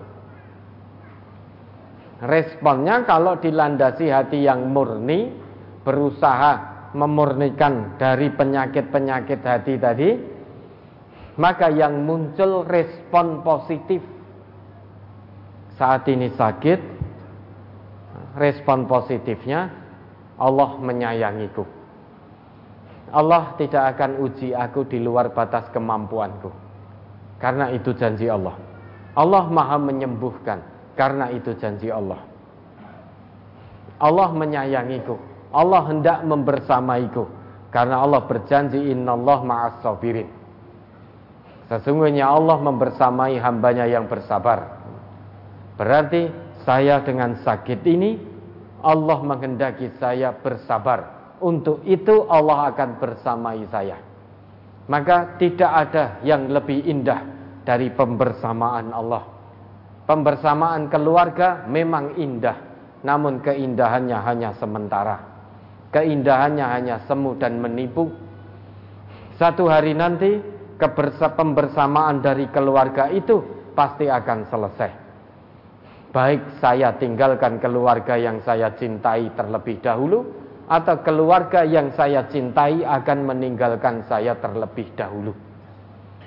Namun jika saya mendapatkan pembersamaan dari Allah, maka itulah seindah-indah pembersamaan. Untuk dibersamai oleh Allah, maka harus sabar. Sehingga meski fisiknya sakit, hatinya tetap sehat. Khusnudon, terus bertaut kepada Allah, yakin betul dengan janji-janji Allah. Itu berarti merespon Kemudian sesudah itu setelah menerima, merespon, kemudian menjalankan semua yang menjadi ketentuan Allah. Makanya Nabi kita sampai bersabda. Ini agak panjang ya Bapak Ibu ya. Nanti jangan, oh satu pertanyaan saja panjang sekali. Selama ini kita bisa mengatakan ikhlas namun belum tentu hati kita bisa ikhlas. Maka perlu kita jelaskan. Setelah menerima, merespon, kemudian menjalankan. Nah, saat menjalankan itulah berarti kita berada di puncak sikap ketawakalan kita kepada Allah. Faida azam fatawakal halallah. Kalau sudah punya azam, Azam di situ berarti menerima, merespon dan menjalankan semua ketentuan Allah. Kalau sudah punya azam yang kuat, maka fatawakkal Allah, tawakal kepada Allah. Serahkan sepenuhnya kepada Allah. Oleh karena itu Nabi kita pernah bersabda, "Ajaban li amril mu'min." Sungguh mengagumkan perkara orang yang beriman. Lah, kita telah menyatakan diri beriman kepada Allah, maka punya potensi untuk termasuk ke dalam hadis Nabi ini. Perkara kita itu sungguh-sungguh menakjubkan. Kenapa kok Nabi sebut demikian? Inna amrahu kullahu lahu khair. Kenapa semua atau setiap perkara orang yang beriman itu baik bagi dirinya? Itu menakjubkan bagi dirinya. Menurut Nabi, karena setiap perkara orang yang beriman, apa pun keadaan dan kondisinya, itu baik bagi dirinya. Walaisa dzalika li ahadin illa lil mu'min. Dan perkara yang menakjubkan ini tadi tidak akan dimiliki oleh siapa pun. Hanya akan dimiliki, hanya akan menyertai hamba Allah yang beriman. Yang pertama, in asobathu sarra'u syakara. Fakana khairan lahu Orang yang beriman itu cirinya jika dia ditimpa dengan kesenangan, diuji dengan kenikmatan, apa pun bentuk kesenangan dan kenikmatan itu, apakah dengan kesehatan, apakah dengan kenaikan gaji, apakah dengan diterima melamar satu pekerjaan, Apa pun bentuk kenikmatan itu maka kalau dia betul beriman kepada Allah, sikap yang dia ambil tidak lain dan tidak bukan hanya satu, yaitu syakaro. Dia bersyukur kepada Allah. Bersyukur di sini bukan hanya sebatas talafut, bukan hanya sebatas ucapan alhamdulillah di lisan. Namun ucapan alhamdulillah ini keluar dari lesan karena dorongan iman yang ada dalam hati. Sehingga kesenangan, kenikmatan yang Allah berikan, yang Allah ujikan kepada dirinya. Dia gunakan sesuai dengan fungsi dari nikmat itu yang telah ditetapkan oleh Allah dan Rasulnya. Banyak orang yang menganggap nikmat senang itu kalau semata-mata wujudnya uang. Sehingga banyak orang yang menganggap kalau tidak punya uang seolah-olah Allah belum memberikan nikmat. Sekarang kami tanyakan, pilih mana? Ini berkali-kali kami tanyakan. Saat ini panjenengan punya segepok uang tapi tidak bisa bernafas. Kira-kira masih bisa hidup tidak? Uang nikmat atau bukan? Dalam posisi ini, jenengan punya uang yang melimpah, bahkan tidur kasurnya juga bantalan uang. Buka lemari isinya uang. Dalam saku celana isinya uang. Di sela-sela peci jenengan uang juga. Di mana-mana uang. Tapi tidak bisa bernafas. Dalam posisi itu uang menjadi nikmat atau bukan? Posisi kedua, sama sekali saat ini jenengan tidak punya uang. 100 rupiah pun tidak punya. Tapi oleh Allah jenengan masih diberi nafas Kira-kira masih bisa hidup atau tidak? Masih.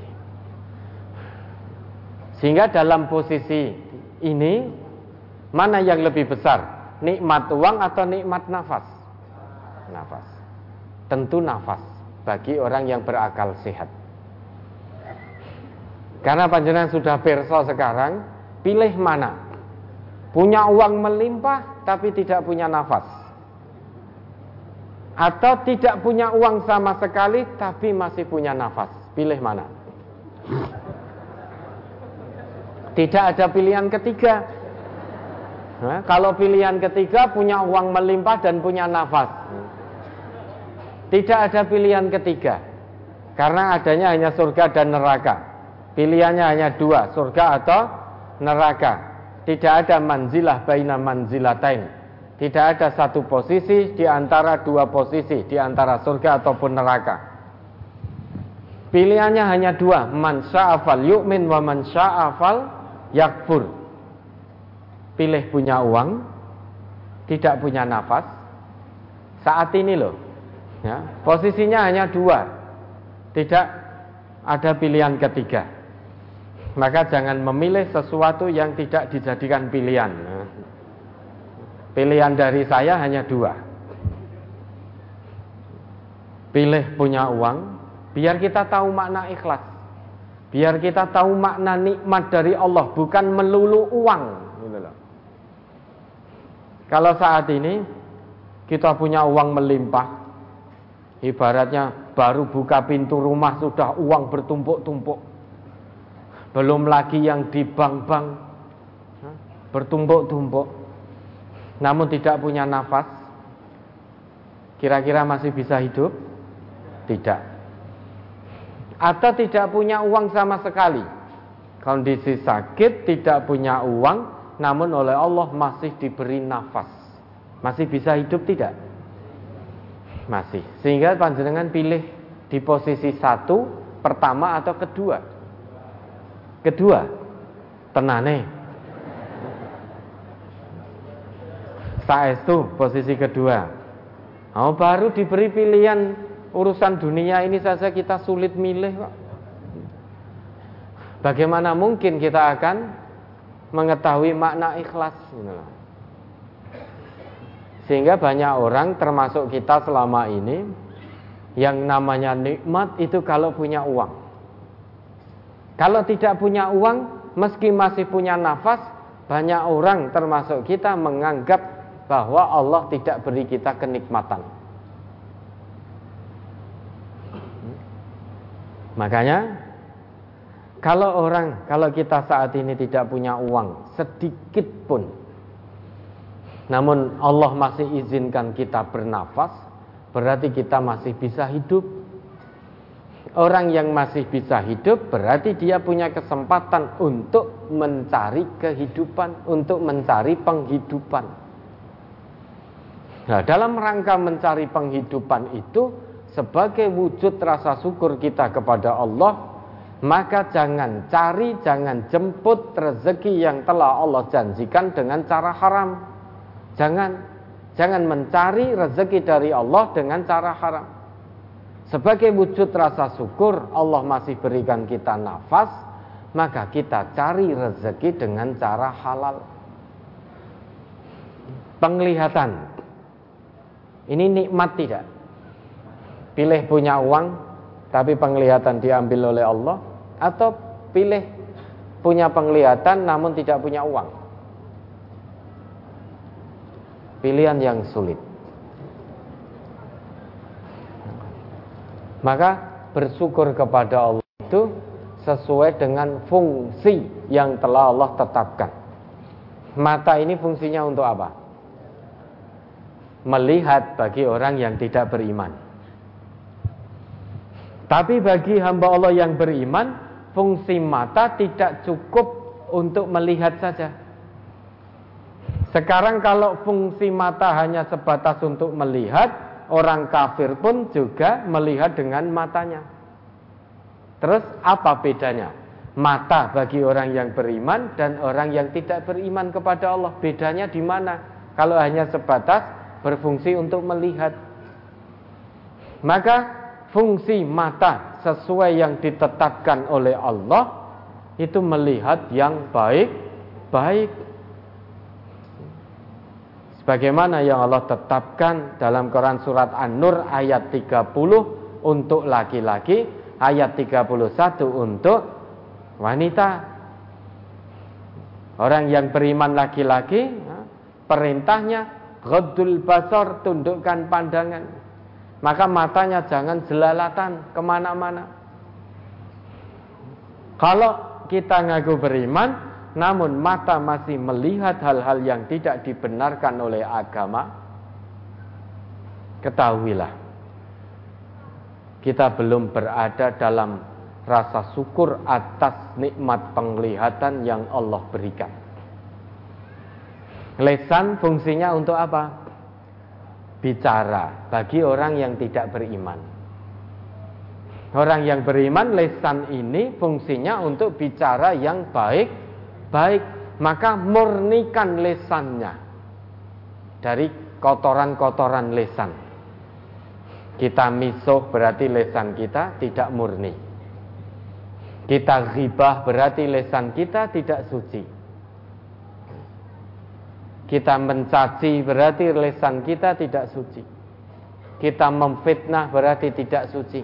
Saat ini fitnah, ghibah, cacian tidak hanya keluar dari lesan, dari jari jemari kita ini pun juga akan keluar cacian makian.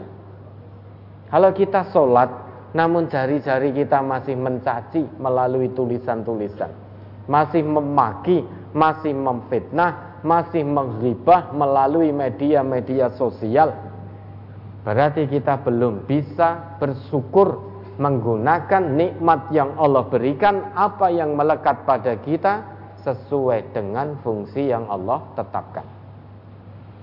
Kalau kita bisa mensyukurinya dengan baik sesuai fungsi yang Allah tetapkan, kata Nabi kita, fakana khairal lahu.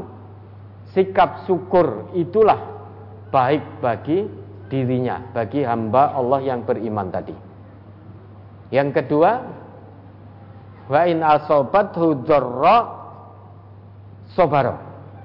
Kalau ditimpa, diuji dengan dorok, dengan kesusahan, apa pun bentuknya, dengan hidup yang sekeng, cumpen, mar, apa, cumpen, ini wong Jawa ora ngerti Jawa. Cumpen ya. Karena kosakata itu sudah hilang, tidak digunakan lagi ya. Maka orang-orang sekarang tidak tahu cumpen ya. Dengan kondisi yang sakit diberi ditakdirkan oleh Allah di PHK dari pekerjaannya.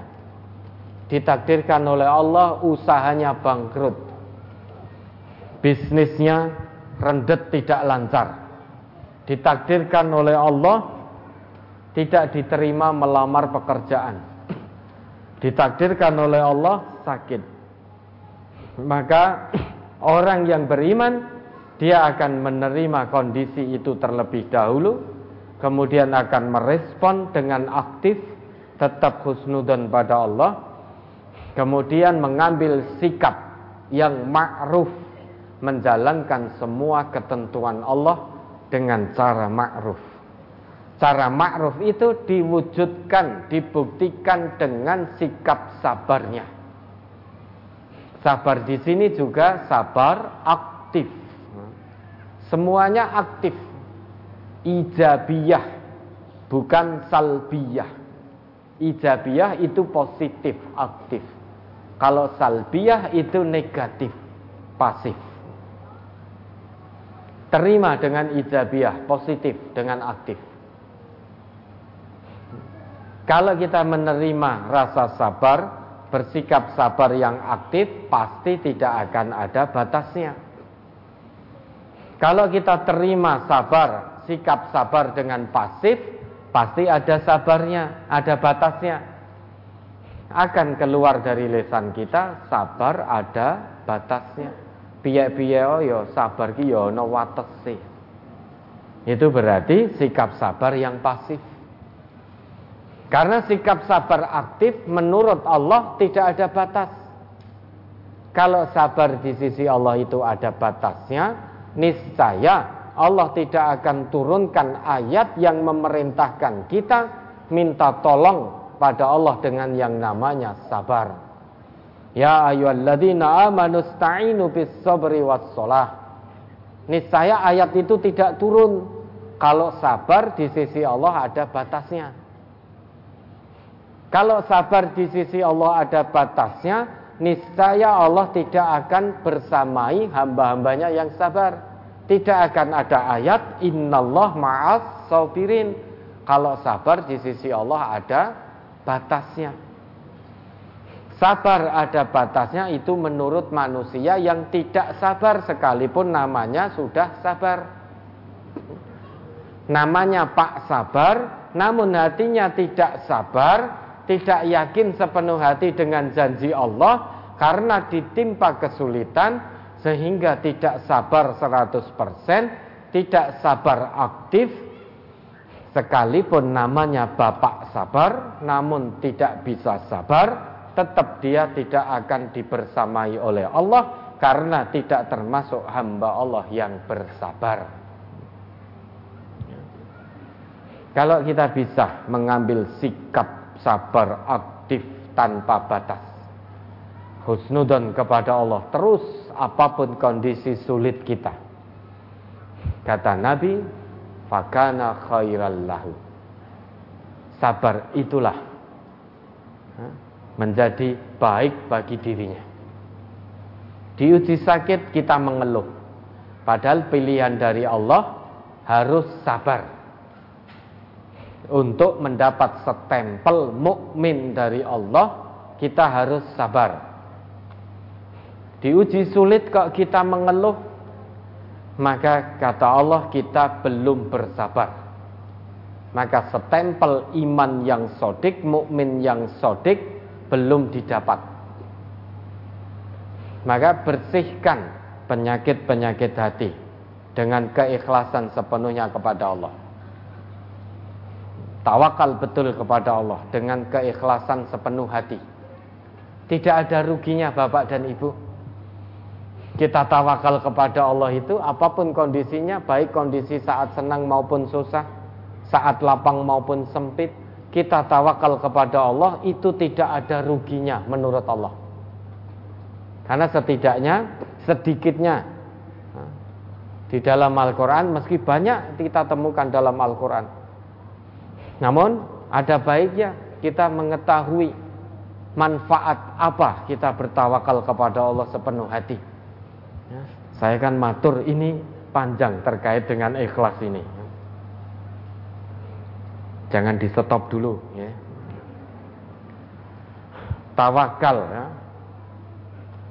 Kita bisa ikhlas itu kalau tahu tawakal setidaknya dalam Quran itu ada empat hal, meski lebih banyak lagi. Namun cukup untuk kita mengetahui empat hal ini. Orang yang tawakal sepenuhnya, kebaikan apa yang akan Allah berikan. Di akhir Quran surat At-Tolak ayat 2 dan juga masuk ke ayat ketiga sampai akhir janji Allah Wa may yattaqillah yaj'al lahu makhraja. Barang siapa yang bertakwa kepada Allah, Allah akan berikan jalan keluar dari setiap permasalahan yang dialami. Makhraja. Makhraja sifat bentuknya, sigohnya bentuknya nakiroh. Nakiroh, di situ tidak ada alif lamnya. Ya, maka bacaannya makhraja Nakirah itu sifatnya masih umum, maknanya umum. Sehingga masalahnya masih umum. Apa pun masalahnya, selama kita bertakwa kepada Allah, Allah akan berikan solusinya. Entah kemiskinan, entah sakit, entah di PHK, entah menerima melamar pekerjaan tidak diterima, Entah masalah rumah tangga, suami cekcok dengan istri. Kalau kita bertakwa kepada Allah, apa pun masalahnya, maka ada seribu satu cara yang akan Allah berikan sebagai solusi bagi kita.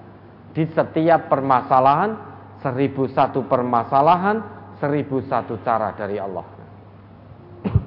Itu makrat, sifat bentuknya masih umum. Setelah itu janji Allah wa yarzuqhu min. Allah akan datangkan rezeki dari arah yang tidak disangka-sangka. Solusi dari Allah dari setiap permasalahan itulah rezeki kita. Sehingga rezeki itu bukan hanya melulu uang. Bukan hanya terus-menerus uang. Problem rumah tangga, Allah berikan solusi, itu rezeki dari Allah untuk kita. Dari arah yang tidak disangka-sangka. Yang namanya min haitsu la yahtasib. Dari arah yang tidak disangka-sangka pada awalnya tidak termasuk dalam nalar manusia. Solusi dari Allah itu tidak bisa diperhitungkan oleh nalar manusia pada awalnya. Sesuatu yang bisa dinalar oleh manusia, yang bisa diperhitungkan oleh manusia, itu bukan termasuk dari arah yang tidak disangka-sangka. Itu termasuk arah yang bisa disangka oleh manusia. Maka sering kali kita memikirkan bagaimana solusinya sulit sekali. Kalau Bapak Ibu punya masalah, sulit sekali mencari jalan keluar, yakinlah panjenengan belum berusaha menyertakan menghadirkan campur tangan Allah dalam penyelesaian masalah. Panjenengan masih berusaha mengandalkan daya pikir panjenengan sendiri tanpa melibatkan Allah. Sehingga setiap masalah tidak ada jalan keluarnya satu masalah belum selesai, datang masalah kedua. Kalau kita hanya mengandalkan diri kita sendiri tanpa melibatkan Allah, yakinlah tidak akan ada masalah yang bisa diselesaikan. Tidak akan ada solusi dari setiap permasalahan. Masalah satu belum selesai, datang masalah kedua. Belum selesai, datang masalah ketiga belum dapat solusi, datang masalah keempat. Akhirnya kita hidup menjadi orang yang bermasalah. Tanpa ada solusi. Kenapa? Karena berusaha menyelesaikan masalah, mencari solusi dari masalah itu dengan mengandalkan diri kita. Lah, pengandalan diri, pengandalan pikiran kita sendiri tanpa melibatkan campur tangan dari Allah itu sebetulnya sudah masalah masalah dari tidak mendapatkan solusi dari Allah. Kita berusaha mendapatkan solusi, menyelesaikan masalah, namun tanpa melibatkan campur tangan Allah, berarti kita menambah masalah diri kita sendiri. Maka kalau ingin selesai setiap permasalahan, jangan pernah tinggalkan Allah. Ya. Terus carikan solusinya menurut Allah, menurut Rasulullah pasti akan ada jalan solusi dari Allah. Min. Allah akan berikan solusi, berikan jalan keluar dari arah yang tidak pernah kita sangka sebelumnya. Dengan catatan kita takwa. Kemudian yang kedua, apa namanya? Ayat ketiganya, wa may yatawakkal 'ala Allah fahuwa hasbuh. Barang siapa yang bertawakal kepada Allah sepenuh hati, jiwa dan raga. Janji Allah bahwa hasbuh. Allah akan cukupkan kebutuhannya. Apa pun kondisinya, baik kondisi sehat waktu masih bisa bekerja ataupun kondisi sakit tidak bisa maksimal dalam bekerja. Namun jika kita tawakal sepenuhnya, yakin sepenuhnya kepada Allah, fahuwa hasbuh. Allah akan cukupkan kebutuhan dunia kita kebutuhan dunia kita, bukan keinginan dunia kita. Ya. Yang namanya kebutuhan untuk kita mendekat kepada Allah, yang maha mengetahui Allah, bukan kita. Yang kita tahu hanya keinginan kita saja. Manusia itu punya keinginan dunia dari A sampai Z, Z sampai A lagi. Itu keinginan manusia terhadap dunia. Namun Allah maha mengetahui Berapa banyak kebutuhan bagi hambanya untuk mendekat kepada Allah. Itu namanya kebutuhan. Allah yang maha mengetahui. Kalau kita tawakal kepada Allah, Allah akan cukupkan dunia kita. Inna Allah balighu amri. Sesungguhnya Allah akan laksanakan perkaranya, laksanakan janjinya dengan syarat kita tawakal. Sehingga hikmah besar yang dijanjikan oleh Allah yang pertama bagi hambanya yang tawakal sepenuhnya jiwa dan raga kepada Allah, dia akan mendapatkan kecukupan dari Allah. Dia akan mendapatkan solusi dari Allah di setiap permasalahan yang sedang dihadapi, apa pun kondisinya. Kemudian yang kedua, tawakal sepenuhnya kepada Allah akan menaikkan, meningkatkan keyakinan dan keimanan kita kepada Allah. Coba dibuka Quran surat Al-Maidah ayat 23. Ini agak panjang, mungkin setengah jam lagi belum tentu selesai. Ini menyangkut keikhlasan. Ya.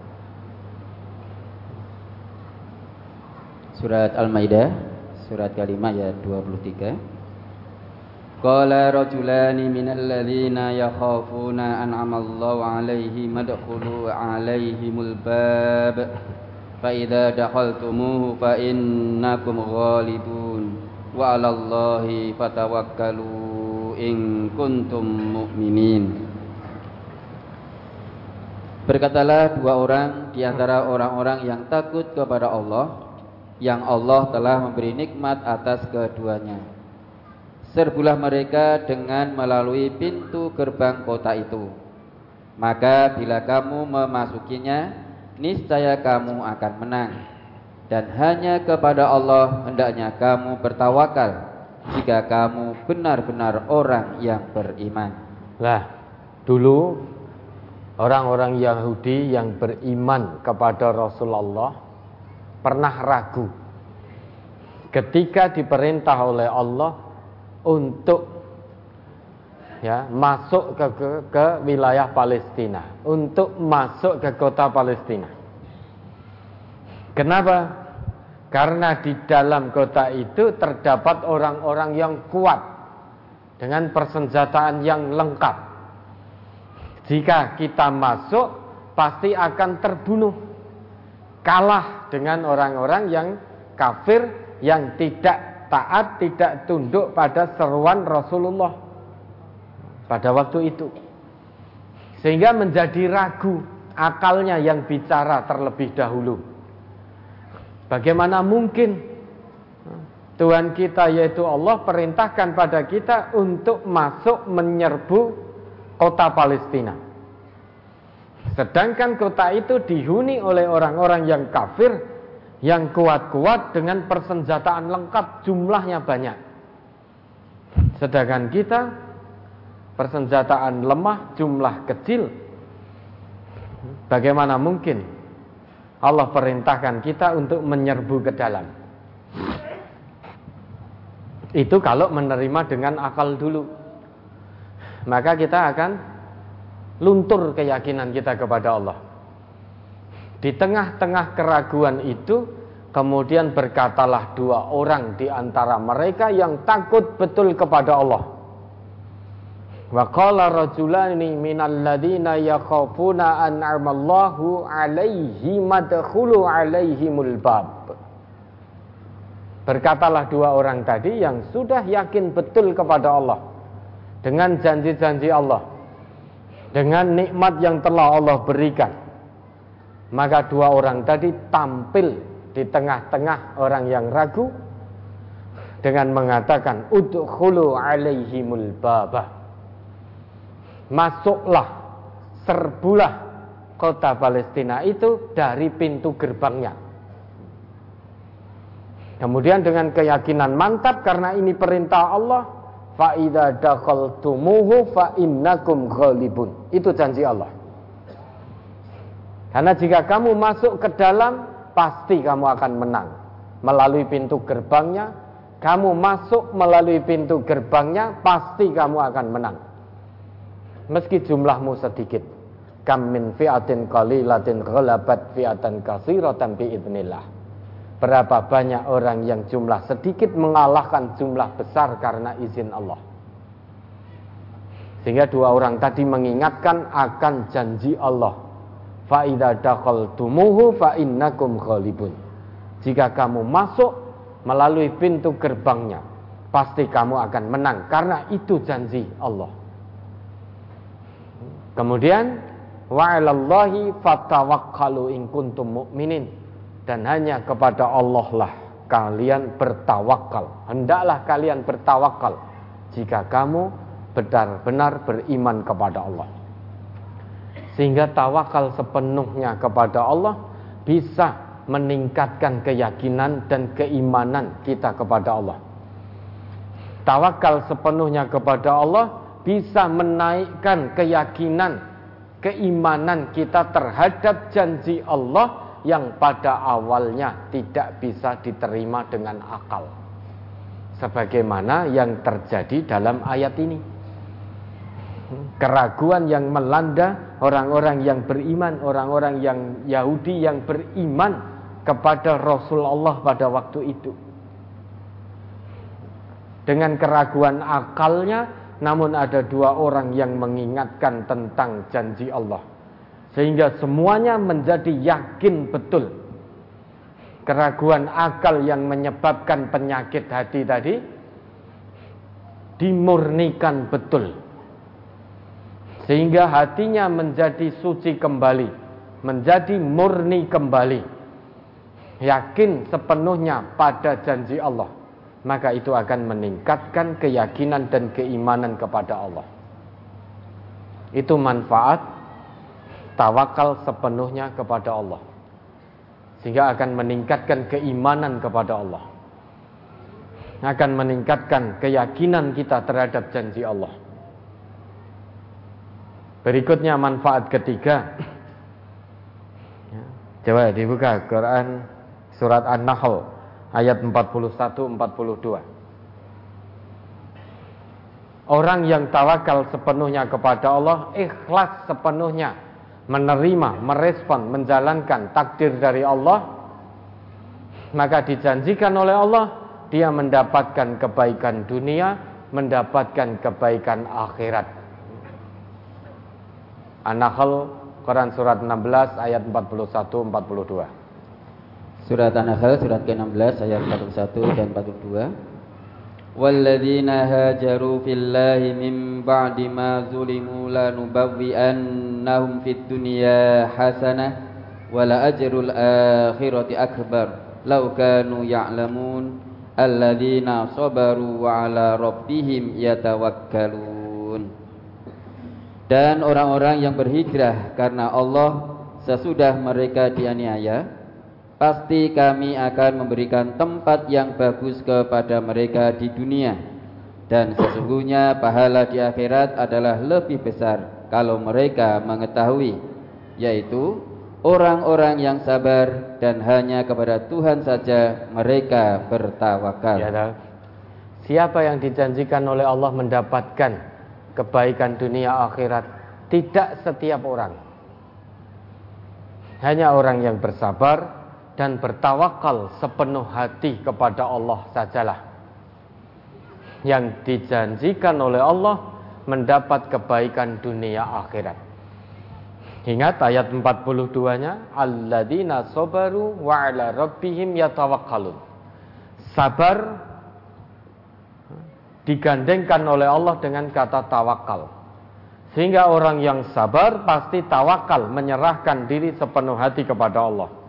Orang yang tawakal pasti bersabar.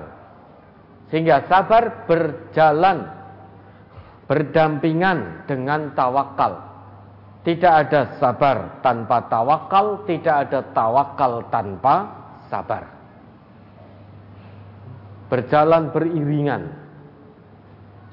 Janji Allah, orang yang sabar dan hanya kepada Allah menyerahkan diri sepenuhnya, yakin betul terhadap Allah, tidak ada ragu sedikit pun kepada janji Allah dan juga janji Rasulullah. Itulah lanubawi annahum fid dunya hasanah. Akan kami beri keadaan yang baik baginya bagi mereka di dunia. Wala ajrul akhirati akbar laukanu ya'lamun. Dan kebaikan di akhirat itu lebih besar seandainya mereka mengetahui maka saat ini Bapak sedang diuji sakit, sabar dan tawakal. sabar aktif, tawakal, serahkan diri sepenuhnya kepada Allah, terima takdir dari Allah dulu. Kemudian respon takdir itu dengan respon yang positif. Sesudah itu jalankan, jalani takdir yang saat ini Allah berikan pada Bapak dengan cara sabar dan tawakal. Kemudian yang keempat, fungsi tawakal, manfaat tawakal bagi hamba yang betul-betul bisa bertawakal kepada Allah, dia terjaga dari gangguan setan. An-Nahl ayat 99 sampai 100. Coba dibaca itu. Orang Surat. yang tawakal pada Allah terjaga dari gangguan setan. An-Nahl surat ke-16 ayat 99 dan 100. Innahu laisa lahu sultanun 'alal ladzina amanu wa 'ala rabbihim yatawakkalun. Innama sultanuhu 'alal ladzina yatawallawnahu wal ladzina hum bihi musyrikun. Sesungguhnya syaitan itu tidak ada kekuasaannya atas orang-orang yang beriman dan bertawakal kepada Tuhannya. Ya dah, ini dulu. Innahu laisa lahu sultanun 'alal ladzina amanu wa 'ala rabbihim yatawakkalun. Setan itu tidak punya kuasa apa pun kepada hamba Allah yang senantiasa beriman dan senantiasa bertawakal hanya kepada Robnya bertawakal hanya kepada Allah. Bukan berarti setan tidak mengganggu kita. Setan tetap akan mengganggu kita setiap saat. Akan selalu menghembuskan was-was, bisikan, gangguan agar kita keluar dari jalan Allah. Namun hamba Allah yang beriman dan senantiasa bertawakal dia tidak akan tergoda dengan bisikan setan. Setan terus membisiki kita untuk iri pada kenikmatan yang didapat orang lain. Setan akan terus membisiki kita untuk meri pada kesenangan yang Allah berikan pada orang lain. Namun, kalau kita senantiasa iman dan tawakal kepada Allah, kita tidak akan turuti bujuk rayu setan. Sehingga melihat saudara kita mendapatkan kesenangan, kita pun juga ikut senang. Tidak meri, tidak iri, tidak serai, tidak dengki. Kita juga senang. Apalagi yang mendapat kenikmatan itu saudara sesama muslim. Kita satu tubuh.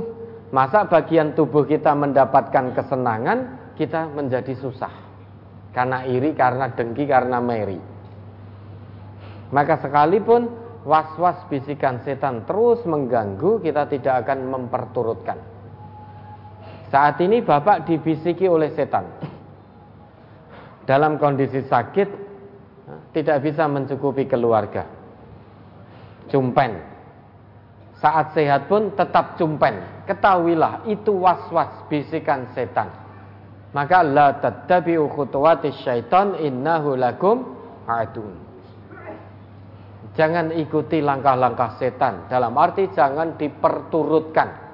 Hanya dua cara untuk kita selamat dari bisikan setan. Iman dan tawakal. Beriman terus pada Allah, tawakal pada Allah.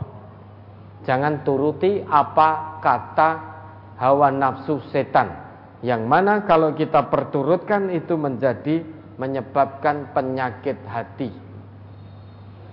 Tidak yakin lagi pada Allah sepenuh hati. Maka perlakukan setan sebagai musuh. Jangan perlakukan setan sebagai teman. Kalau kita perlakukan setan sebagai teman, kita yang akan dikalahkan.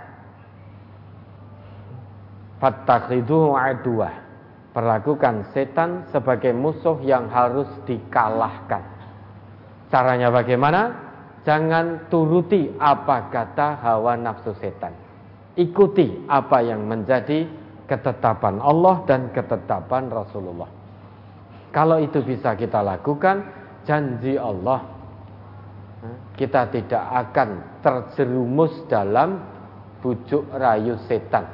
Setan tidak akan bisa menguasai kita.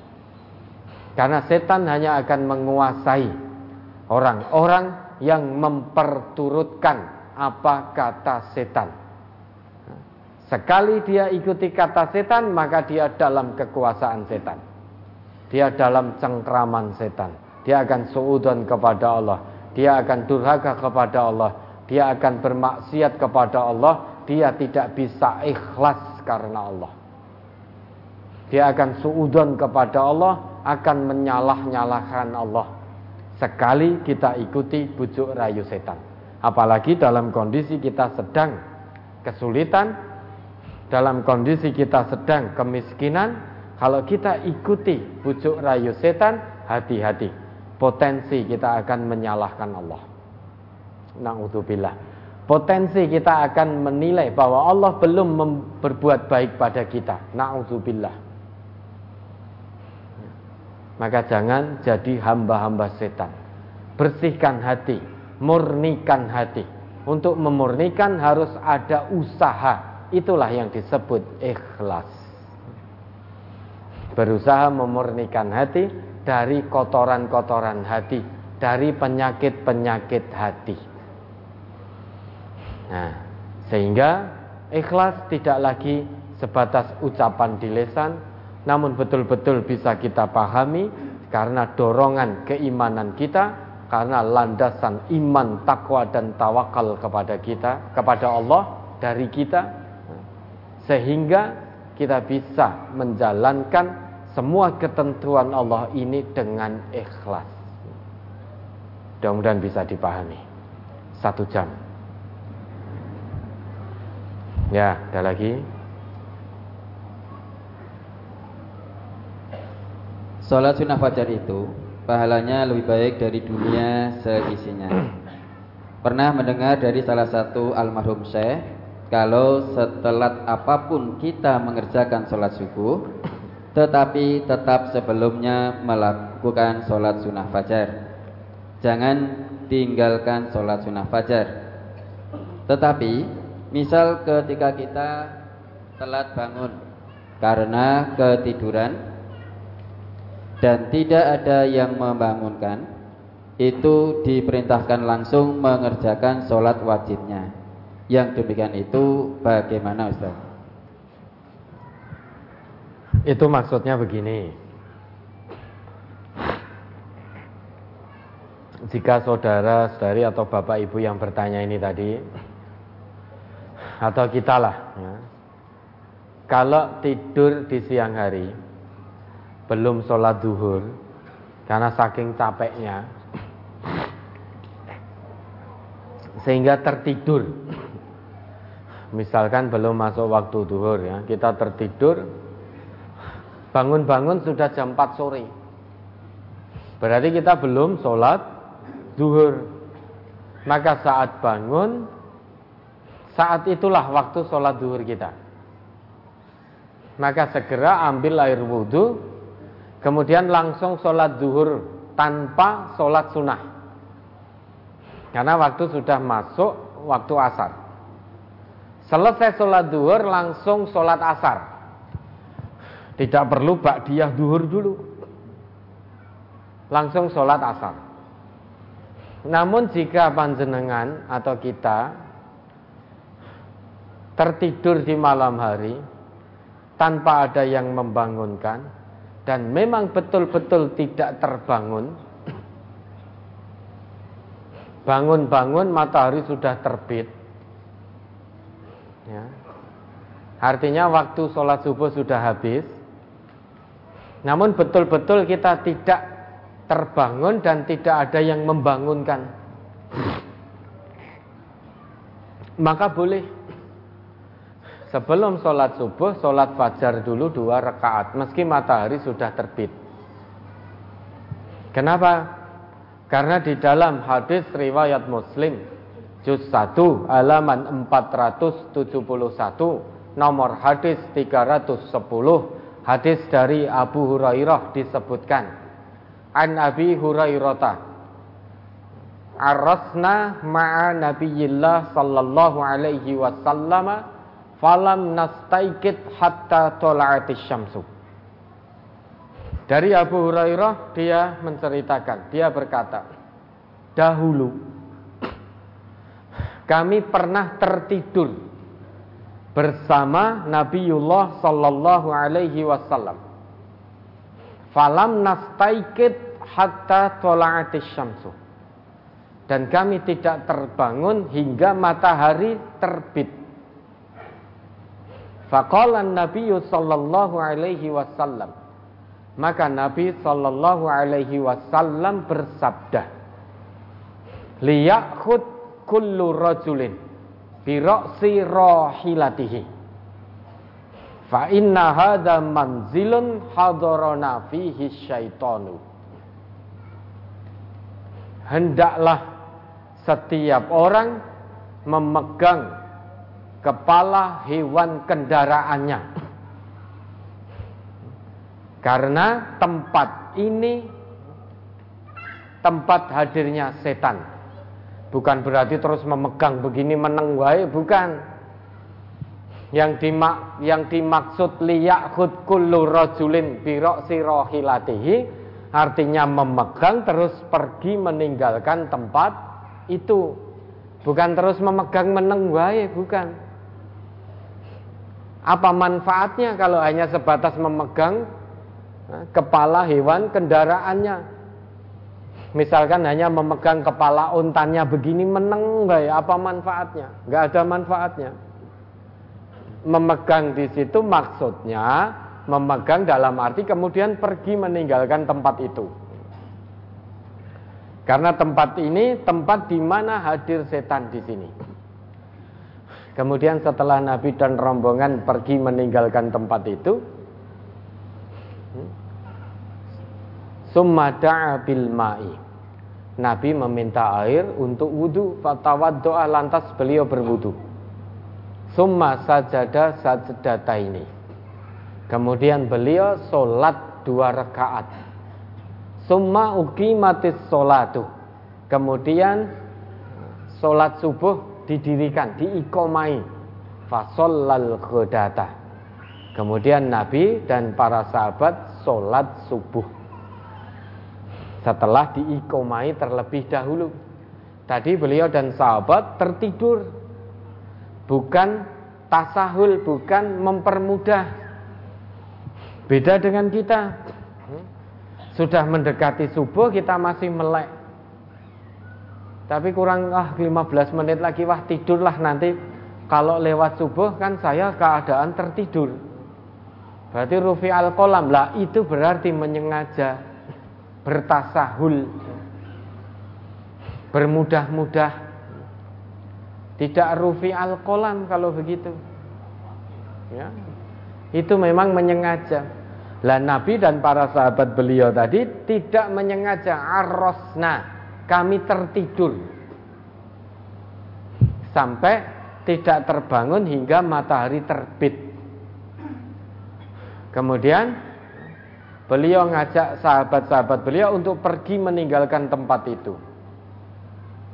Meski matahari sudah terbit, namun karena beliau dan sahabat-sahabat tadi tertidur benar-benar tertidur dan tidak terbangun apalagi ada yang membangunkan tidak ada. Benar-benar tertidur. Maka sebelum beliau dan sahabat mendirikan sholat subuh dua rakaat beliau sholat fajar dua rakaat terlebih dahulu. Meskipun matahari sudah terbit. Maksudnya seperti itu. Itu ada riwayat itu dalam riwayat muslim juz 1 halaman 471 nomor hadis 310. Ya, ada lagi? Saya bangun jam 4.20 sedangkan subuh jam 4.29. Apa ada tuntunannya sholat witir saja Ustaz? Nah, itu berarti kurang 9 menit. Ya, kalau memang belum masuk waktu subuh, saudara segera bangun, segera ambil air wudhu. Kemudian sholat witir kalau memang sebelum waktu subuh. Sholat witir. Kalau tiga rakaat kira-kira tidak bisa maka cukup witir dengan satu rakaat. Ya, ada lagi. Tolong disebutkan dengan lengkap riwayat tentang boleh menaburkan pasir ke mukanya orang yang sedang memuji kita secara berlebihan. Lah ada apa toh? Jangan mau menaburkan pasir toh. Memang ada riwayat itu ya. Jangan nanti laksanakan nek wonge ngamuk mbuh lo. Itu urusan jenengan loh ya, jangan bawa-bawa saya. Memang riwayatnya seperti itu. Bedanya orang dulu dengan orang sekarang. Bedanya orang Islam generasi awal dengan orang Islam sekarang. Dulu itu kalau memuji kemudian ada sahabat, ada orang Islam lain menaburkan pasir, kemudian dijawab karena Nabi yang memerintahkan, Beliau-beliau taslim, tidak marah. Beda dengan sekarang. Orang Islam sekarang memuji-muji sawuri pasir. Marah sudah. Marah, miso-miso ngejak padu, mungkin bacok-bacokan juga. Bedanya orang Islam zaman sekarang dengan dulu kualitas keimanannya bukan lagi bainas sama wal art. Bainas sama wasumur itu sudah Bukan lagi antara langit dan bumi tapi antara langit dan sumur. Kualitas keimanan orang dulu dengan orang sekarang. Kalau tadi ditanyakan riwayat lengkap, salah satunya ada dalam riwayat Muslim. Ya, juz 4 halaman 2297 nomor hadis 69 Hadis itu dari Hammam bin Haris. Dalam riwayat itu disebutkan An Hammam bin Haris. Dari Hammam bin Haris Anna rojulan Ja'ala yamdahu Usmana. Dahulu ada Seorang laki-laki itu memuji-muji Khalifah Utsman mendengar ada orang memuji-muji Khalifah Utsman bin Affan fa'amidal miqdadu. Maka Mikdad datang kepada orang yang memuji khalifah tadi fajasa ala rukbataihi wa kana rajulan kemudian Mikdad setelah datang di hadapan orang yang memuji Khalifah Utsman tadi, Megdad duduk di atas lututnya. Karena kebetulan beliau itu orang yang berbadan besar. Sehingga duduk di hadapan orang yang memuji tadi, Megdad duduk di atas kedua lututnya. Karena Megdad itu tinggi besar. Ya, Kemudian Megdad duduk di atas lututnya. Karena mau nyawuri pasir di muka orang yang memuji khalifah tadi, nek keduran kan ra nek. Maka Megdad duduk di atas dua lututnya. Setelah itu faja'ala yahsu fi wajhihi al-hasba'a. Kemudian Megdad menaburkan pasir bercampur kerikil. Hasba itu bukan hanya pasir, bukan hanya tanah, bukan hanya debu. Namun tanah bercampur kerikil. Jenengan perso namanya kerikil. Ya. Itu ditaburkan Megdad kepada orang yang memuji khalifah tadi. Melihat perbuatan Megdad itu, Khalifah Utsman kaget. Kemudian berkata kepada Megdad, Ma sya'nuka? Ada apa kamu? Faqala maka Mikdad menjawab, Inna Rasulullah sallallahu alaihi wasallam qala. Sesungguhnya Rasulullah sallallahu alaihi wasallam bersabda, "Idza ra'aitumul maddahina fah fahsu fi wujuhihimut turabah. Jika kamu melihat orang yang senantiasa yang sukanya memuja memuji banyak memuji orang lain fahsu fi wujuhihimut turabah. Taburkan tanah, taburkan pasir di wajah mereka. Jadi kalau ada orang memuji-muji panjenengan, wah jenengan alhamdulillah orang yang dermawan, orang yang gemar bersedekah, jenengan segera cari tanah. Taburkan. Kalau itu warga MTA tidak boleh marah. Ya. Nanti kalau jenengan memuji kemudian orang yang jenengan puji kok menaburkan pasir, ingat ada riwayat itu perintah Nabi. Ya, kalau sesama warga ngaji, sesama warga MTA tidak boleh marah. Karena Nabi yang perintahkan. Ya, Nabi yang perintahkan. Maka jangan suka memuji kalau tidak mau ditabur wajahnya dengan tanah. Kalau orang sekarang memuji disawuri lemah, ngejak padu. Bukan lemah lagi balesnya. Jika waktu Oh kurang ajar. Ambil batu dilemparkan pada orang yang tadi awalnya dipuji. Ini kalau yang ditanyakan riwayat lengkapnya Tadi sudah disebutkan. Ya. Hadis itu ada di riwayat Muslim Juz 4 halaman 2297 Nomor hadis Nomor hadisnya itu 69. Nah.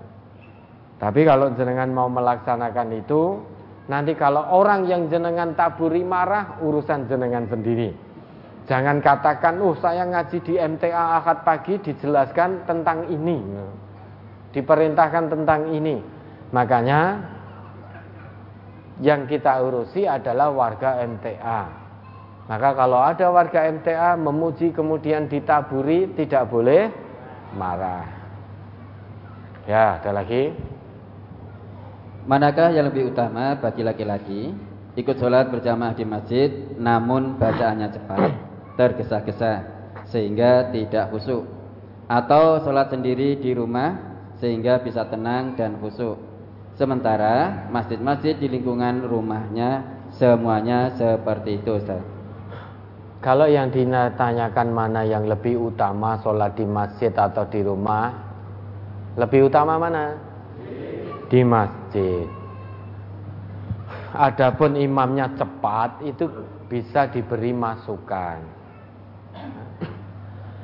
Kalau sudah diberi masukan tidak mau menerima ya, Panjenengan cari masjid lain Yang memang bisa mengikuti mengikuti imam kalau bacaan sir imamnya cepat, jenengan belum selesai Fatihah, imam sudah ruku. Yang kita pahami kalau kita ketinggalan Fatihah, maka kita menambah rakaat yang tertinggal karena sholat rakaat yang tidak mendapatkan Fatihah secara utuh itu tidak sah yang kita pahami seperti itu. Maka cari masjid lain kalau imamnya tidak bisa menerima masukan. Lagi pula, kalau betul yang panjenengan sampaikan, sholat itu kan menghadap Allah. Di setiap bacaan Al-Fatihah ada jawaban dari Allah. Jangan lantas kemudian kita berkata, masa Allah tidak bisa menjawab Fatihah hambanya yang cepat? Jangan lantas kita berkata seperti itu. Kalau kita mengatakan demikian, lagi-lagi kita mengedepankan akal. Itu sama dengan Allah, masa Allah perlu dibela? Kalau kita membela Allah berarti kita lebih hebat dari Allah. Kalau kita membela Islam berarti kita lebih hebat dari Islam. Itu sama juga pemikiran dengan semacam ini. Dalam Fatihah itu Allah ada jawaban dari Allah. Fa'idha qala al-abdu Alhamdulillahi Rabbil Alamin Qala Allah Ta'ala Hamidani abdi Jika hambaku mengucap Alhamdulillahi Rabbil Alamin Maka Allah jawab bahwa hambaku telah memujiku. Wa idza qala ar-rahmanir rahim qala asna alayya abdi. Jika hambaku mengucapkan ar-rahmanir rahim maka Allah pun akan menjawab Allah akan berfirman asna alayya abdi. Hambaku telah menyanjungku. Wa idza qala maliki yaumiddin. Qala jika hambaku mengucap maliki yaumiddin maka Allah akan jawab majjadani abdi au qala marratan fawwada ilayya abdi hambaku telah mengagungkanku atau Allah akan jawab, hambaku telah menyerahkan dirinya sepenuhnya kepadaku. Wa idza qala iyyaka na'budu wa iyyaka nasta'in. Jika hamba itu mengucapkan iyyaka na'budu wa iyyaka nasta'in, maka Allah akan menjawab, "Hadza baini wa baina 'abdi wa li 'abdi ma sa'ala." Ini antara aku dan hambaku dan untuk hambaku apa pun yang dia minta. Wa idza qala ihdinas siratal mustaqim siratal ladzina an'amta 'alaihim ghairil maghdubi 'alaihim waladdallin qala hadza li 'abdi wa li 'abdi ma sa'ala. Ini untuk hambaku dan bagi hambaku apa pun yang dia minta. Itu dalam Fatihah ada jawaban dari Allah seperti itu. Karena Allah membagi fatihah hamba dalam solatnya itu dua bagian. Qasamtus solata baini wa baina abdi nisfaini wali abdi ma sa'ala. Aku yaitu Allah membagi as-solah maksudnya al-fatihah. Nama lain dari fatihah itu adalah as-solat. As-solatu itu nama lain dari al-fatihah. Allah bagi as-solah itu dua bagian yaitu antara Allah dan hambanya. Dan bagi hambanya apa pun yang dia minta. Jika kita diminta dalam sholat munajat kepada Allah berhadapan dengan sang pencipta kita harus tumak ninah. Kalau imamnya tergesa-gesa alhamdulillahirobbilalamin makmumnya susah awalnya makmumnya khusyuk alhamdulillahirobbilalamin ar-rahmanirrahim tiba-tiba Imamnya ngabani Allahu Akbar ruku. Makmumnya jadi ngebut. Maliki yaumiddin ya kana butuh ya kana stain itu siratal mustaqim gitu. Karena dia tidak mau nambah di akhir. Kebetulan ngajinya di MTA. Wah, bahaya ini. Kalau saya terlambat berarti saya harus nambah. Sedangkan kalau nambah sendiri engko diulati wong okeh isin. Ada yang malu, Kok nambah enek opo? Padahal kalau ditanya jawab saja karena saya ketinggalan Fatihah. Tidak sempurna Fatihah saya, maka saya menyempurnakan rekaat saya yang belum sempurna karena tertinggal Fatihah. Sudah jawab itu selesai. Kenapa harus malu? Nambah rekaat sak masjid dewe anak keringet dingin nih ya. Sudah berdiri saja. Ya, tetap utama sholat di masjid. Imamnya diberi masukan. Kalau memang tidak berubah, tidak mau menerima, cari masjid yang memang panjangan bisa mengikuti. Oke, ada lagi? Mohon penjelasan yang membedakan bank syariah dan bank konven di mananya. Karena di bank syariah seperti UB juga ada bagi hasil untuk nasabah dan bagi peminjam pun ketika mengembali, mengembalikan juga jumlahnya jauh lebih besar dari yang dipinjam Ustaz. Bedanya di akadnya. Kalau bank konven itu jelas disepakati diakui pakai bunga. Bunga itu riba. Kalau di lembaga keuangan syariah itu tidak pakai bunga, tetapi akad-akadnya sesuai dengan prinsip-prinsip syariah. Sekalipun nisbahnya atau marginnya bagi hasilnya lebih besar kalau memang akadnya sesuai dengan prinsip syariah maka itu tidak riba karena tidak ada bunga. Sekalipun bung apa tambahannya kecil sedikit 0,000 sekian persen Kalau itu bunga, itu tetap namanya riba. Riba itu kecil atau besar tetap namanya riba. Tidak bisa bunga yang kecil kemudian menjadi halal itu tidak bisa. Yang namanya riba kecil atau banyak itu tetap haram dapat murka dari Allah. Ancamannya tetap neraka. Baik kecil, sedang maupun banyak. Nah, itu yang membedakan lembaga keuangan syariah dengan lembaga keuangan konven. Kalau konven itu pakai bunga, bunga itu riba. Kalau lembaga keuangan syariah itu yang digunakan prinsip-prinsip syariah sesuai dengan akadnya. Prinsip syariah itu tidak ada bunga di situ sehingga tidak ada riba. Maka tadi kalau ditanyakan bagi hasilnya marginnya lebih besar daripada bank konven, ketahuilah meskipun itu lebih besar, namun sesuai dengan prinsip syariah insya Allah itu mengandung berkah dari dari Allah. Meskipun itu kecil, namun kalau itu bunga, itu riba, ketahuilah itu mengandung murka dari Allah.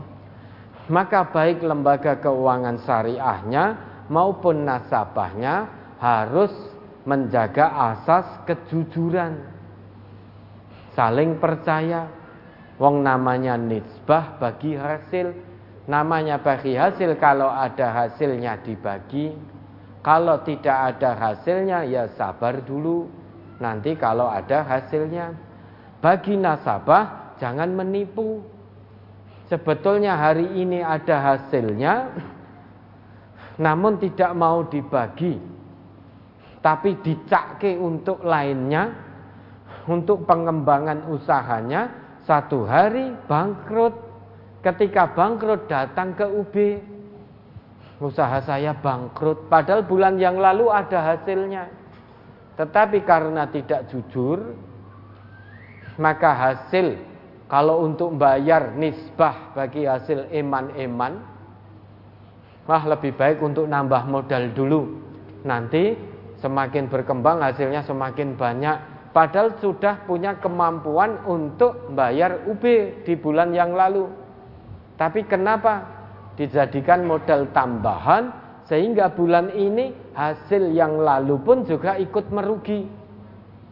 Nah, berarti ini nasabah tidak jujur, tidak amanah. Datangnya ke UB itu kalau bangkrut saja pengen diputihkan. Tapi ketika ada hasilnya tidak mau datang.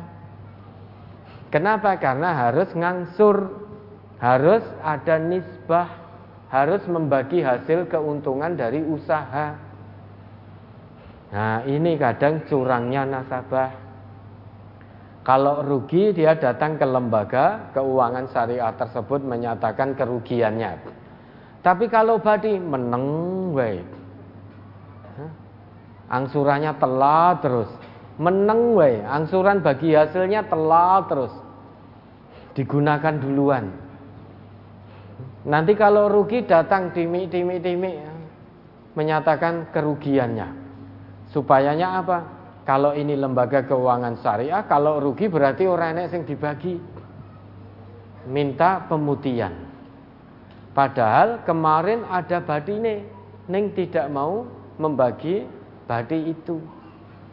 Maka lembaga keuangan syariah dan nasabah harus semuanya amanah. Muktaman, jalankan amanah itu. Kalau yang ditanyakan UB, UB jenengan tipu juga tidak tahu. Dengan datang menyatakan kerugian kebangkrutan, UB juga tidak tahu kalau seandainya bulan yang lalu itu ada hasilnya yang harus dibagi dengan UB. Ya. Tapi meski UB bisa ditipu, namun Allah tidak bisa ditipu. Harusnya ada hasil bulan lalu kok tidak dibayarkan. Sekarang rugi kok baru datang menyatakan kerugiannya. Nah, berarti curang nasabahnya. Ubed juga begitu. Kalau memang betul-betul ibarat memang sudah berusaha maksimal betul tidak ngapusi, tidak curang, memang betul-betul tidak ada yang untuk mengembalikan beri tangguh dulu. Jadwalkan ulang beri tangguh.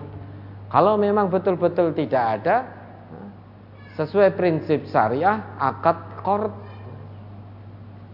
pokoknya dikembalikan. Pokoknya dikembalikan dengan catatan nasabahnya jujur betul. Jujur tidaknya Allah Maha mengetahui. Oh, alhamdulillah sudah ada isian dari ustadz kita hanya mengembalikan pokoknya saja. Wes saya tak datang ke UB menyatakan rugi weh. Itu Allah Maha mengetahui. Ya, di dunia jenengan mendapatkan hanya membayar pokoknya, tidak membagi hasilnya, kenikmatannya semu, namun di akhirat Allah tidak bisa ditipu. Sehingga yang membedakan yang syariah dan konven itu di akadnya. Kalau yang syariah, insya Allah sudah tidak ada bunga, tidak ada riba. Perkara masih ada praktek ribawi, itu sudah urusan mereka yang ngurusi mengatasnamakan syariah dengan Allah. Kita sebagai orang awam kalau sudah diberi penjelasan dan mereka mengatakan 100% syariah bismillah berusaha ke arah syariah nahnu bura'um minad Kita terlepas dari tanggung jawab di hadapan Allah kewajiban kita sebagai orang awam tinggal memilih secara maksimal lembaga keuangan syariah. Maka warga NTA tinggalkan lembaga keuangan yang konven. Pilihlah fattakullah mastata'tum. Pilih lembaga keuangan yang syariah. Jenengan akan lah bagaimana ini untuk jualan online? Karena transfer-transfer kemudahannya ada di konven. Kalau memang lembaga keuangan syariah belum punya eh, layanan yang mudah untuk jualan online, maka itu keadaan darurat. Tapi insya Allah saat ini lembaga-lembaga keuangan syariah sudah menyediakan layanan itu. Sehingga mau transfer apa pun untuk usaha insya Allah mudah. Kalau itu sudah ada maka pilih yang syariah sebagai wujud maksimal kita dalam mentaati Allah. Fattakullah mastata'tum ya yeah, ada lagi teman saya mempunyai pinjaman di lembaga keuangan untuk usaha namun di kemudian hari usahanya bangkrut. Kemudian anaknya yang meneruskan angsuran teman saya tadi, tetapi pokok pinjaman saja tanpa bunga. Kebijakan lembaga keuangan tersebut akhirnya diperbolehkan bayar pokoknya saja dengan cara diangsur, bunganya dihapus. Di akhir tahun ini, lembaga keuangan tersebut meminta lagi uang tambahan dengan alasan biaya administrasi. Apakah tambahan administrasi ini masuk kategori tambahan atau bunga atau riba? Teman saya tadi merasa keberatan dengan tambahan administrasi tersebut, Ustaz. Harusnya teman tadi sudah tidak berkeberatan. Wong sudah diputihkan. Ya. Oh, apa namanya biaya administrasi itu insya Allah bukan bunga, bukan riba itu biaya administrasi. Lah temannya tadi untuk bunganya sudah dihapus semua, harusnya tidak berkeberatan. Harusnya tidak berkeberatan. Kenapa masih keberatan? Maka kalau mau minjam jangan hanya di awal kepingin dapat uang cashnya saja. Lihat dulu apakah lembaga keuangan itu sistemnya riba atau syariah. Biasanya kita itu kalau kepingin cash uangnya, wis ora peduli riba apa syariah, yang penting aku untuk duit. Ini bunganya sekian, bahkan ke bank plecit setiap hari datang nagih pun tidak peduli. Bahkan sekarang ada pinjaman online juga mudah prosesnya. Membengkak pinjam sekian juta sampai puluhan juta. Bunganya mencekik sehingga ada seorang ibu di satu wilayah sampai bunuh diri karena tercekik pinjaman online. Pinjamnya hanya 4 juta kemudian tagihannya sampai 60 juta atau berapa begitu Dia pinjam 4 juta, nerimanya tidak butuh 4 juta, tapi tagihannya terus datang sejumlah 60 juta. Akhirnya tidak kuat menghadapi penagih-penagih itu karena nagihnya dengan kasar si ibu tadi bunuh diri. Nah, setan nih keplok-keplok terjerat riba sampai mengakhiri hidup dengan bunuh diri. Itulah bahayanya bujuk rayu setan. Membisiki sampai tuntas gitu loh. Rekoso dunya, rekoso akhirat. Sama Ya, kalau kepepet tapi diiming-imingi dengan uang nanti dapat sekian proses mudah. Meskipun ke bank plecit, rentenir, bunga berbunga, bunga sidik we oleh apalagi bunga berbunga. Bunga sedikit saja haram, apalagi bunga berlipat ganda. Rentenir itu bank plecit itu bunga berbunga setiap hari datang itu. Entah pagi, entah siang, entah sore, Kadang malam datang terus. Ada yang datang nagih setiap hari 50 ribu. Baru selesai 5 menit lagi datang lagi nagih 40 ribu. Ada lagi 30 ribu. Dulu awalnya ketika mau pinjam sing penting dapat cash uangnya. Kepingin uangnya. Tidak memikirkan bahwa jalan yang ditempuh adalah jalan haram ilegal menurut Allah.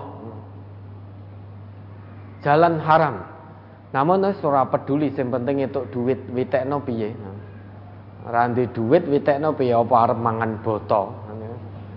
Meskipun hari ini saya pinjam melalui bank plecit, ndak apa-apa. Ngangsure sesuk itu riba wis pikir keri. Umpama saya di neraka ya wis tak gonani dhewe. Sing penting hari ini saya dapat duit. Itu orang kalau sudah buta hatinya akan seperti itu.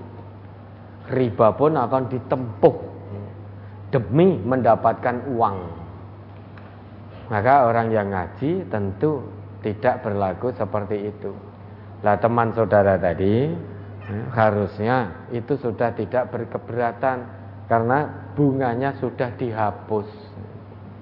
Sedang administrasi, administrasi untuk beli buku tabungan untuk ini itu dan lain sebagainya itu bukan riba, bukan bunga. Ya, ada lagi. Uh, mohon maaf tertulis atau ke beri kesempatan yang langsung. Oke, baik, mari yang langsung kalau ada. Barangkali dari peserta dari Bapak ada yang mendaki pertanyaan langsung. Silakan. Mik 13 Ustaz. Mik 13. Dari Sumatera Utara. 16. Ya. Silakan mik nomor 13 diperkenalkan dulu. 15 Ustaz. Assalamualaikum warahmatullahi wabarakatuh. Waalaikumsalam warahmatullahi wabarakatuh. Perkenalkan Ustaz, nama saya Arifin Saputra. Asal dari kota Tanjung Balai, Sumatera Utara, Ustaz. Ya, Sumatera Sebelumnya Utara. menyampaikan salam dari Ustadz Sarijo untuk Al Ustadz dan untuk Ustadz Harto dan Sunarjo, Ustaz. Ya, untuk Bapak Ibu sekalian. Baik, alaika, alaika wa alaihi salam warahmatullahi wabarakatuh. Kemudian Nanti. ada juga titipan salam dari teman saya, Pak Suyatman dan Pak Rudi untuk Alustad dan untuk Bapak Ibu semua. Iya. Alaika wa alaihi salam warahmatullahi wabarakatuh. Nanti salam saya buat beliau berdua dan buat warga kita yang ada di Medan. Yes. Jadi uh, Sebelumnya saya sampaikan dulu bahasanya kami ke kota Solo ini dalam rangka mengantar anak saya ke SMA MTA Ustaz. Ini anak pertama saya alhamdulillah diterima di SMA MTA Ustaz. Alhamdulillah ya. Langsung saya mau bertanya Ustaz. Pertanyaan pertama tentang kewajiban menuntut ilmu Ustaz. E, menuntut ilmu yang bagaimana untuk memenuhi kewajiban kita sebagai orang beriman. Itu yang pertama Ustaz. Kemudian yang kedua ada titipan pertanyaan dari teman saya Pak Mora e, dari binaan Asahan. Binaan Asahan yang pertama bagaimana bisa istiqomah untuk mengaji. E, kemudian bagaimana menghapus sifat malas untuk beribadah atau beramal Ustaz. Untuk jawaban Ustaz kami ucapkan terima kasih. Assalamualaikum warahmatullahi wabarakatuh. Waalaikumsalam warahmatullahi wabarakatuh. Menuntut ilmu bagi orang yang beriman itu satu kewajiban.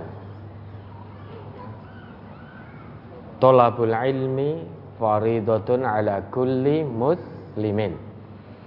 Menuntut ilmu itu satu kewajiban bagi siapa pun yang mengaku dirinya sebagai orang Islam. Ilmu yang bagaimana? Tentu yang utama tentang ilmu din, ilmu agama. Ilmu agama yang dimaksud tentu Quran dan Sunnah. Karena dengan ilmu itu kita akan tahu mana yang hak, mana yang batil.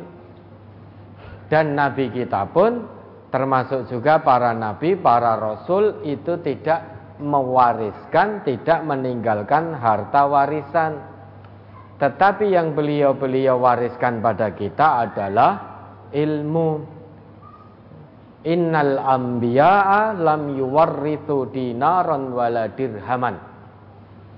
Sesungguhnya para nabi itu tidak mewariskan, tidak meninggalkan harta warisan baik dinar maupun dirham dalam arti para nabi, para rasul karena keistimewaan beliau-beliau yang Allah anugerahkan maka beliau-beliau ini tidak meninggalkan harta warisan. Apa yang menjadi peninggalan beliau-beliau para nabi, para rasul ini menjadi sedekah. Tidak boleh diwaris oleh ahli waris. Kenapa? Innama warrasul ilma. Karena para nabi, para rasul itu mewariskan ilmu.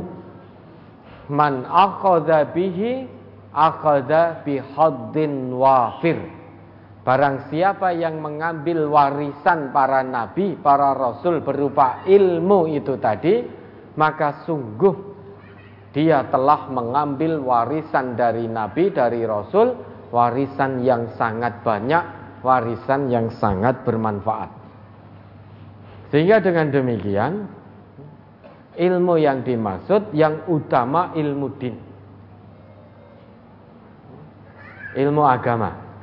Dengan ilmu agama kita akan tahu mana yang hak, mana yang batil sehingga tidak abu-abu lagi. Kita tahu mana yang hak sehingga mengikuti yang hak. Kita tahu mana yang batil sehingga mengikuti apa menjauhkan diri dari yang batil. Namun demikian, Islam tidak mengenal dikotomi ilmu. Pemisahan antara ilmu agama dan ilmu pengetahuan dunia, Islam tidak memisahkan itu. Islam sangat menganjurkan umatnya untuk melek secara akhlak, secara ilmu din, dan juga melek secara ilmu pengetahuan dunia. Sehingga umat Islam menjadi pakar di bidangnya masing-masing.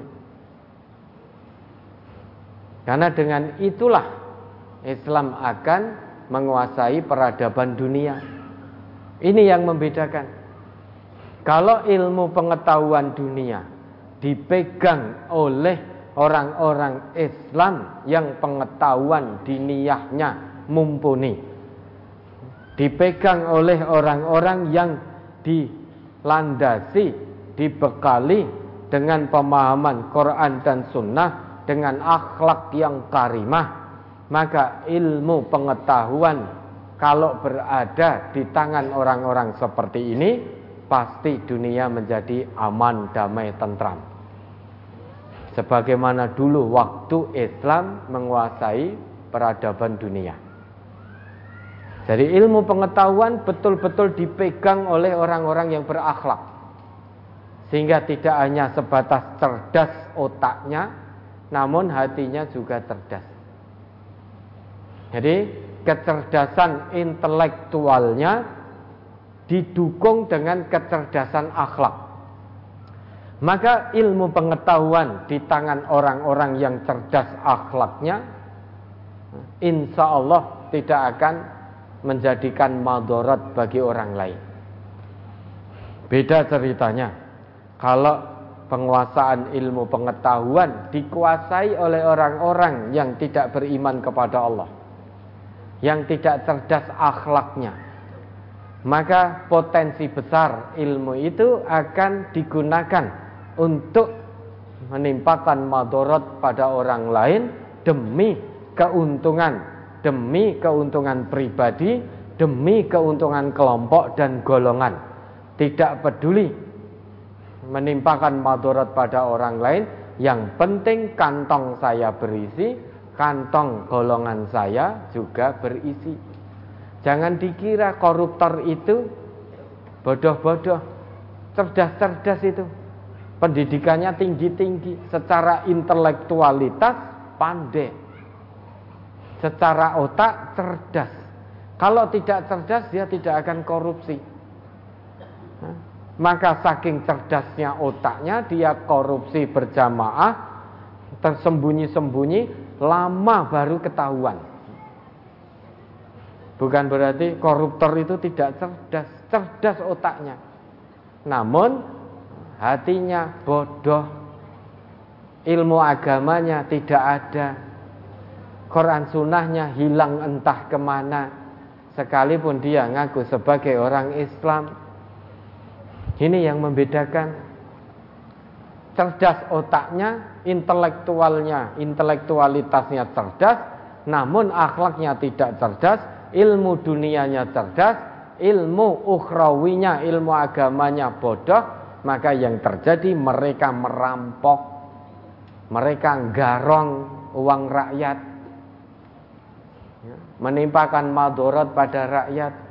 Beda ceritanya kalau amanah itu dipegang oleh orang-orang Islam yang memang betul-betul mumpuni ketakwaannya kepada Allah, orang yang bertakwa tidak mungkin ngerampok. Orang yang bertakwa pada Allah tidak mungkin garong. Kalau maling itu rada alus, maka garong Koruptor itu garong. Dia tidak peduli yang penting kantongnya dan kelompoknya terisi. Perkara rakyatnya menderita karena uangnya dikorupsi. Bantuan sosial kemarin itu juga dikorupsi, tidak peduli. Apa dikira bodoh? Pandai otaknya itu. Pendidikannya tinggi semua itu. Tapi hatinya bodoh. Ilmu agamanya bodoh. Maka yang dimaksud Fari tolabul ilmi faridoh ala kulli muslimin itu yang utama ilmu agama. Kemudian dilanjutkan dengan ilmu pengetahuan dunia. Tujuannya apa? Biar Islam tampil di kancah dunia. Kalau Islam yang menguasai peradaban dunia, pasti dunia aman. Dunia damai, dunia tentram. Karena iman dan takwa tapi kalau umat Islam hanya mementingkan urusan agama saja, tidak mementingkan dunia dalam arti ketinggalan di urusan pengetahuan dunia, ketahuilah umat Islam akan tergerus oleh kemajuan zaman.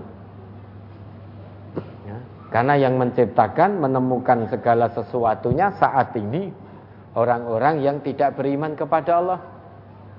Sehingga kita yang dulunya menjadi produsen, ilmu pengetahuan semuanya dulu ditemukan oleh sarjana-sarjana ilmuwan-ilmuwan muslim dikembangkan, disebarluaskan. Dulu orang yang tidak beriman sebagai konsumen tangannya di bawah umat Islam sebagai produsen tangannya di atas sekarang mulai terbalik.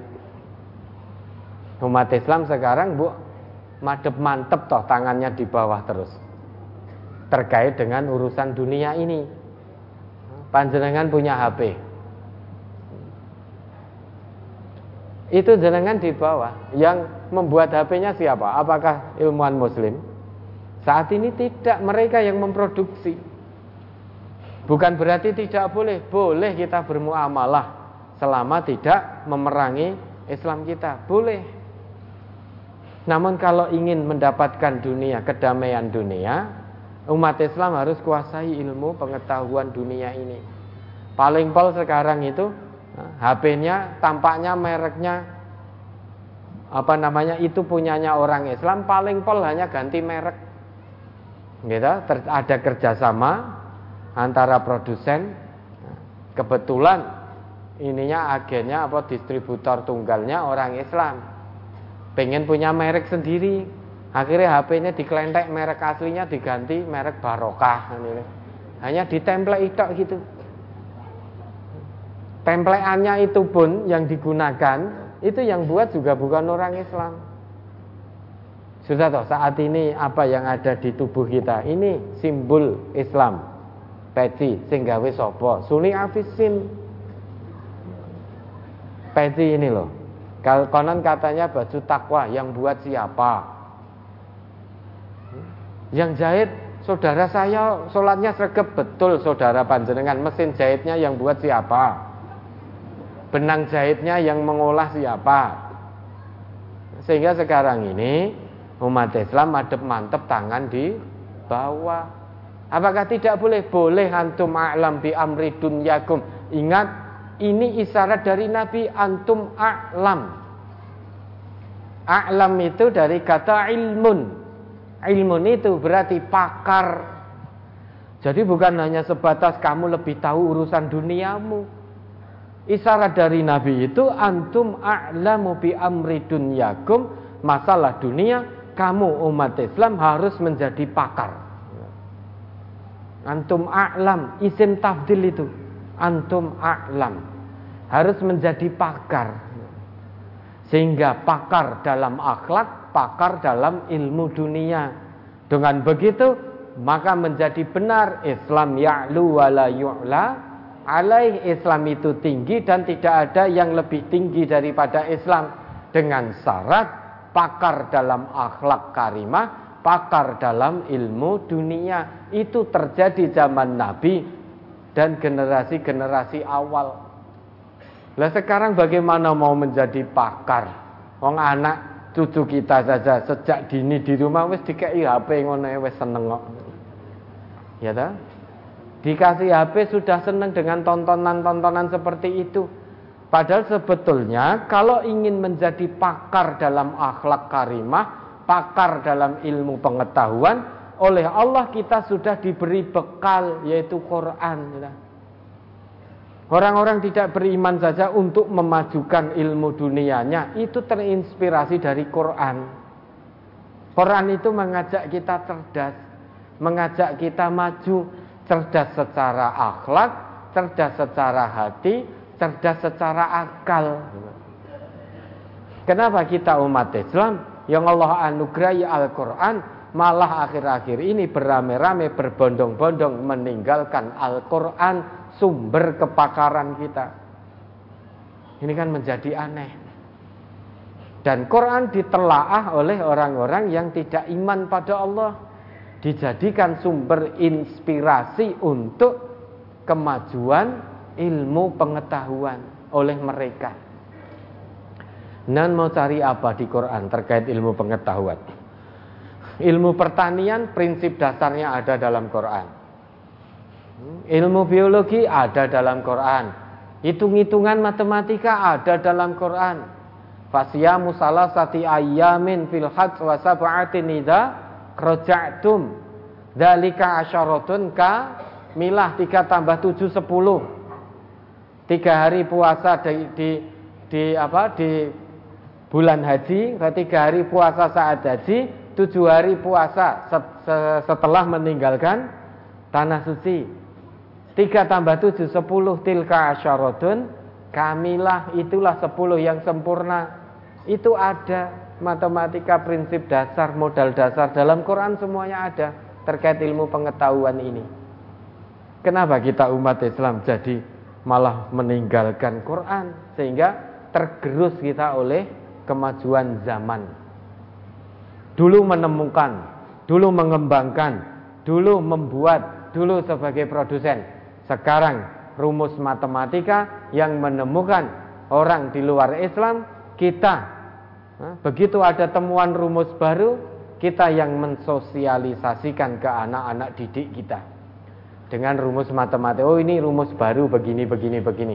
Kenapa para sarjana ilmuwan muslim tidak menemukan rumus matematika sendiri? Kenapa harus mengikut terus? Coba jenengan yang Allah beri, Allah titipkan kemampuan matematika, coba hasilkan rumus sendiri. Untuk kemudian kembangkan rumus itu. Ini tidak bisa kalau tidak bersatu sebetulnya umat Islam ini cerdas-cerdas. Diberi kemampuan oleh Allah kecerdasan di atas rata-rata. Hanya satu. Nek diajak bersatu itu sulit. Sehingga kecerdasannya tidak bermanfaat. Selain untuk manfaat pribadi saja.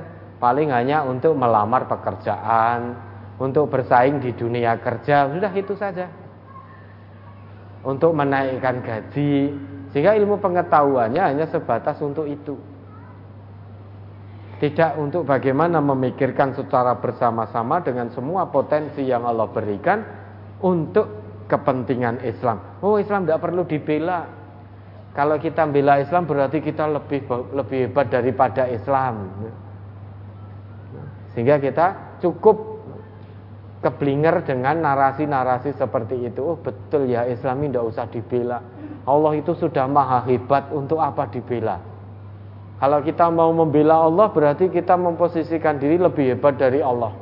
Kalau kita mau membela Islam berarti kita memposisikan diri lebih hebat dari Islam. Itu narasi pola pikir yang keblinger meruntuhkan semangat kita untuk maju. Nah, tolabul ilmi faridah ala kulli muslim. Nilai-nilai tolabul ilmi jangan sampai bergeser Nah sekarang saja sudah bergeser kok. Banyak di sekolahan-sekolahan itu guru hanya memposisikan diri sebagai pengajar. Karena apa? Karena takut nanti kalau memposisikan diri sebagai pendidik, anak didiknya secara akhlak menyimpang dari Islam, gurunya memberi sanksi, orang tuanya lapor polisi. Akhirnya gurunya dipenjara karena jewer anaknya. Sehingga guru-guru pun di sekolah banyak yang memposisikan diri hanya sebatas pengajar. Kalau hanya sebatas pengajar, itu berarti hanya sebatas how to know bagaimana menjadi tahu bukan how to be bagaimana menjadi. Kalau hanya bagaimana menjadi tahu mudah. Murid awalnya tidak tahu, satu tambah satu murid tidak tahu, gurunya transfer pengetahuan. Sehingga murid menjadi tahu satu tambah satu sama dengan dua perkara proses mengajar kemudian akhlak muridnya menyimpang dari Islam. Muridnya misuh-misuh lesannya. Muridnya nggak karuan. Rame duduk di atas meja kakinya ongkang-ongkang di atas meja secara etika tidak ada. Gurunya karena hanya sebatas pengajar hanya berusaha menyelesaikan kurikulum yang sudah ditentukan. Semester 1 harus selesai bab 1 sampai bab 5. Maka guru tadi wis pokoknya ngajar we. Perkara anak didiknya akhlaknya terjaga atau tidak bukan urusan saya. Karena kewajiban saya hanya ngajar. Kalau sudah guru-guru muslim memposisikan diri hanya sebatas pengajar, potensi nilai-nilai tolabul ilmi menurut Islam akan bergeser. Tidak lagi memperhatikan adab, tidak lagi memperhatikan akhlak. Yang ada hanya mengejar kecerdasan intelektualitas namun mengabaikan kecerdasan akhlak kecerdasan intelektualitas tidak akan manfaat apa pun kalau tidak dibarengi dengan kecerdasan akhlak. Sehingga tolabul ilmi faridah wajib bagi setiap muslim. Ilmu agama, ilmu dunia. Sehingga panjenengan harus menjadi pakar di bidang masing-masing sesuai potensi yang Allah titipkan. Pakar di bidang akhlak, tunduk patuh pada Allah dan Rasul, pakar di bidang keilmuan dunia. Yang petani pakar betul dalam pertanian, yang pedagang pakar betul dalam perdagangan, yang insinyur pakar betul dalam keinsinyuran, yang dokter pakar betul dalam medis. Itulah isyarat dari Nabi antum a'lam bi amri dunyakum. Itu yang pertama. Kemudian bagaimana istiqomah untuk ngaji dan bagaimana menghapus sifat malas untuk ibadah dan beramal. Itu semua kembali ke dirinya masing-masing. Yang jelas Allah berfirman innalladzina qalu rabbunallah tsumastaqamu tatanazzalu alaihimul malaikah alla takhafu wa la tahzanu wa abshiru bil jannati allati kuntum tu'adun. Untuk mendapatkan kebahagiaan dari Allah dunia akhirat tidak ada rasa takut tidak ada rasa sedih tidak ada rasa khawatir baik dunia dan akhirat utamanya kunci utama adalah istiqomah. Menyatakan diri beriman itu lebih mudah daripada kita istiqomah membuktikan keimanan kita.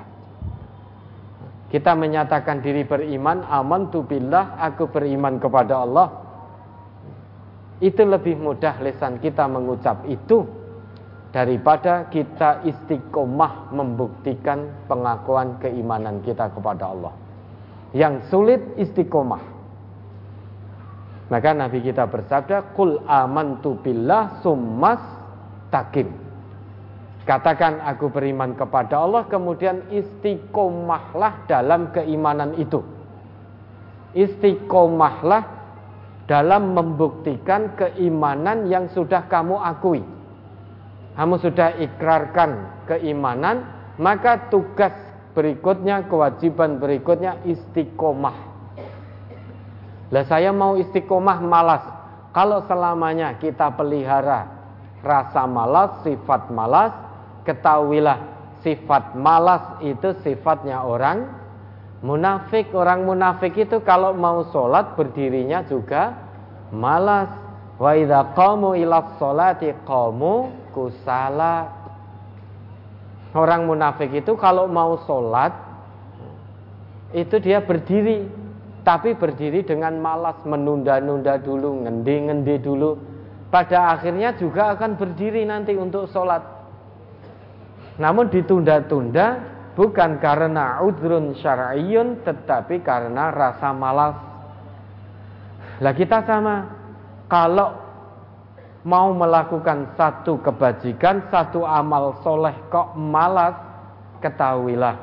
Berarti dalam hati kita bersemayam sifat orang munafik, yaitu malas untuk mengerjakan kebaikan. Selalu malas, enggan mengerjakan amal soleh. Kalau kita masih malas, padahal kita membuktikan bagaimana kita membuktikan keimanan kita kepada Allah Padahal orang yang ngaku beriman kepada Allah tidak cukup hanya ngaku beriman, harus dibuktikan dengan amal soleh. Pengakuan iman saja tidak cukup tanpa dibuktikan dengan amal soleh. Maka panjenengan akan banyak temukan ayat-ayat Allah dalam Quran. Kata iman disandingkan langsung oleh Allah dengan kata amal soleh. Wabashiril ladina amanu wa amilus solihat man amila solihan min zakarin aw unsa wa huwa mu'min. Kata iman senantiasa Allah gandengkan dengan kata soleh, amal soleh. Sehingga pengakuan iman saja tidak cukup. Iman tanpa amal soleh itu kadzib bohong. Amal soleh tanpa iman itu fata morgana kebaikan tanpa dilandasi keimanan kepada Allah itu kasarab fata morgana tidak mendapat apa pun di hadapan Allah. Keimanan tanpa diikuti dengan amal soleh imannya gazib imannya bohong. Bagaimana mungkin kita akan buktikan keimanan kita di hadapan Allah kalau kita malas untuk beramal soleh? Sifat malas ini termasuk kotoran hati maka harus dimurnikan, harus ada usahanya. Yang saat ini malas, maka nanti begitu mendengar azan langsung paksa rasa malas itu. Karena malas itu bisikan setan. Untuk mengatasinya Allah berikan satu cara. Inna syaitana lakum adu fattakhiduhu aduwah. Sesungguhnya setan itu musuh bagimu, maka perlakukan setan sebagai musuh. Rasa malas itu hakikatnya bisikan setan. Dan ini harus dikalahkan, maka lawan, dilawan, dipaksa diri untuk kebaikan. Memang pada awalnya harus dipaksa untuk kebaikan. Nanti lama-lama menjadi terbiasa. Begitu mendengar adzan langsung gerigah semalas apa pun. Langsung gerigah ambil air wudhu kemudian langsung berangkat ke masjid. Nanti lama-lama akan terbiasa dalam kebaikan. Kalau kita turuti terus tidak mau melawan rasa malas, ingat Allah pun juga telah menetapkan Innallah la yughayyiru ma biqaumin hatta yughayyiru ma bi anfusihim.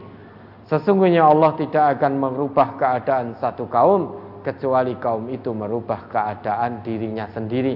Kalau kita tidak mau melawan rasa malas, tidak mau memaksa diri kita untuk kebaikan, maka selama itu pula Allah tidak akan rubah keadaan kita. Selamanya sampai mati kita tetap malas untuk beramal soleh. Maka harus dilawan, dipaksa. Semuanya kembali ke hatinya masing-masing. Nasihat saja tidak cukup kalau tidak mau menerima dan kemudian tidak mau memaksa diri untuk lebih semangat beramal soleh. Ya, ada lagi? Satu lagi, nomor 16. Nomor 16. Nomor 16 silakan. Bismillahirrahmanirrahim. Assalamualaikum warahmatullahi wabarakatuh. Waalaikumsalam warahmatullahi wabarakatuh. Yang pertama, salam kagem al Ustaz dan seluruh jamaah dari istri saya dan keluarga saya. Yang kemudian ini posisi di mana Bapak ini? Saya di sini Ustaz. Bukan berdiri. Oh iya. Oh, Saya Setiono Karanganyar. Oh, Pak Setiono. Ya, nanti salamnya kita jawab dulu ya. Oh, iya. Beri kesempatan untuk menjawab salam dulu ya. Iya. Salamnya yang titip salam berapa orang? Istri, Suyatmi dan keluarga. Dan keluarga. Berarti lebih dari dua. Gimana Ustaz? Lebih dari dua yang titip salam. Ya, baik mari kita jawab salamnya dulu. Alaika wa alaihimussalam warahmatullahi wabarakatuh. Salam kami buat beliau-beliau ya. Allah, Kemudian uh, ini saya curhat atau mungkin karena Ustaz sebagai walijah kami saya memberanikan diri. Ini baru pertama kali kami bertanya Ustaz. Sebelumnya belum belum pernah bertanya ini. Ya nanti saya pertama kali menjawab nanti. Nah, ini mungkin pertanyaan yang pertama dan seterusnya atau pertama dan terakhir saya nggak tahu Ustaz itu. Lo jangan pertama dan terakhir ajenten pundi. Oh yang mudah-mudahan nanti akan jangan datang mungkin ada tanya-tanya yang lain lagi Ustaz. Gini Ustaz. Saya pakai baju ini uh, dari jasket dari Kamtesma, dari Kamtipmas, dari Kabupaten Karanganyar. Mudah-mudahan Bapak Bupati Karanganyar mendengar bahwa dulu pernah dijanjikan pada pertengahan bulan Juli itu akan di ajak piknik atau studi banding ke Mabes Polri gitu. Jakarta mestinya. Siapa yang mau diajak? Jenengan. Termasuk semuanya. Dari Kamtipmas termasuk Kapolsek yang ada di Kabupaten Karanganyar. Ya. Lah, ini sebelum ke Mabes Polri saya bawa ke Mabes MTA dulu gitu, Pak. Mabes MTA itu apa toh? Markas besar, Ustaz. Majelis besar. Oh, majelis besar. Ngomong kita ini majelis bukan markas. Oh iya, terima kasih Ustaz. MTA, M-nya apa? Majelis, M-nya bukan markas. Oh majelis ya. Iya, MTA itu M-nya majelis. Ya. Majelis tafsir Al-Quran. Deh, terus? Terus yang kedua, mungkin dulu saya pernah matur pada panjenengan, Ustaz. Ini kantornya Jalan Ronggo Warsito 11A. 111A 100 111. Kalau kalau dulu 234. Ini mudah-mudahan Allah meridhoi Al Ustadz Abdullah Tufail Saputra itu memimpin uh, Majelis Tahfidz Al-Quran selama dua dekade atau 20 tahun. Dua. Kemudian Al Ustadz Dr. Andes Ahmad Sukino tiga, tiga dekade atau tiga tahun. Nah, ini empat. Mudah-mudahan nanti panjenengan Al Ustadz Nur Khalid Saifullah LC Alhum memimpin, memimpin Majelis Tahfidz Al-Quran ini selama 40 tahun gitu. Wah ini cocok logi ini. Ya. Sehingga 2 3 4 gitu ta. Iya, 2 3 4. Ya. Ya mungkin nanti yang satu satu satu itu mungkin kepemimpinannya sudah seperti Muhammadiyah. Jadi satu periode 10 tahun, 10, 10 tahun atau berapa gitu, Pak Allah alam enggak tahu. Eh, Ya. Maaf inti pertanyaan dipersingkat. Ye. Silahkan mohon maaf karena mengingat waktu. Inti dari pertanyaan panjenengan, Pak. Ya ini tadi curhatin tadi. Eh gini pertanyaan. Nama saya Setiono. Itu kalau saya tambah Muhammad Setiono Broto Sumarto itu boleh apa tidak? Boleh. Boleh. Broto Sumarto ini artinya apa, Broto? Itu orang tua saya Ustaz. Ya boleh. Muhammad, Muhammad Setiono Broto Sumarto. Muhammad boleh. itu orang tua eh, Muhammad itu apa? Idola kami, idola Nabi Muhammad. Bukan Atau- hanya jenengan saja. Oh gitu ya. Itu suri toladan bagi semesta alam. Amin. Jadi boleh Muhammad Setiono Broto Broto Sumarto Oh, iya. Khalilullah. Nah, itu boleh juga. Oh, amin, amin, amin. Nggih. Ya, ngatain Ustaz. Ya. Ya, berarti pertanyaan kami sudah dijawab ini, Ustaz. Nggih. Ya kan pertanyaannya nama ini tadi. Boleh itu ditambahi boleh. Oke. Ya, terkait dengan janji Pak Bupati tadi Karanganyar jenengan nanti tanyakan ke beliau. Enggak punya nomor HP-nya, Ustaz. Ya. Iya kan semuanya dijanjikan kalau betul ya apa yang panjenengan sampaikan. Ya, mudah-mudahan. Ya. Kalau betul ya dengan Kamtipmas semuanya tanyakan ke beliau. Ya, Jangan ke saya kan Ustaz gitu. Sutarno atau Ustaz Sutaryo barangkali itu kan pimpinan perwakilan kami, Ustaz. Sip. Tuh terus yang kedua tadi apa? Dua tiga empat. Ustaz. Umur kita yang maha mengetahui hanya Allah. Ya. Amanah dari Allah ini kepada kami, pada saya belum tentu 40 tahun, bisa jadi hanya setahun juga, dua tahun, tiga tahun, itu yang maha mengetahui hanya Allah. Kalau dua tiga empatnya hanya empatnya empat tahun, nah itu Allah yang maha mengetahui. ya. Oh, tapi standarnya 20, 30, 40. Ustaz. Ya, ya amin amin dah. Yang memberi standar sinten? Dari al pertama al, al Ustaz Iya, Abdullah 20. itu itu Ustaz Sukino di- 30. Lah, cocok logi 40. itu. ya. Dicocok-cocokkan. Mudah-mudahan Allah meridhoi. Amin. Ya. Ya, pokoknya dakwah MTA ini selama kita berjalan di atas petunjuk Allah dan tuntunan Rasulullah, tidak usah takut. Dakwah ini yang menjaga Allah sudah. MTA ini, dakwah MTA ini yang menjaga Allah, yang melindungi Allah. Siapa pun yang akan menimpakan madorat pada dakwah Quran Sunnah, kalau Allah sudah melindungi, la yadurrukum man dhalla idah tadaitum. Serahkan saja semuanya kepada Allah. Kalau ada yang berusaha untuk memadamkan dakwah Quran Sunnah di MTA ini, nanti urusannya dengan Allah, bukan dengan kita. Urusannya dengan Allah, Allah yang akan menjaga dakwah Quran Sunnah ini. Siapa pun itu tanpa kecuali ada yang punya niatan untuk memadamkan dakwah MTA ini, Allah yang akan turun tangan, Allah yang akan campur tangan. Serahkan semuanya kepada Allah. As-Somad tempat bergantung kita hanya Allah. Sudah selesai urusan. Kalau sudah diserahkan kepada Allah, kita yakin sepenuh hati, Bismillah wallah mutimmu nurih. Allah yang akan sempurnakan cahaya agamanya ini.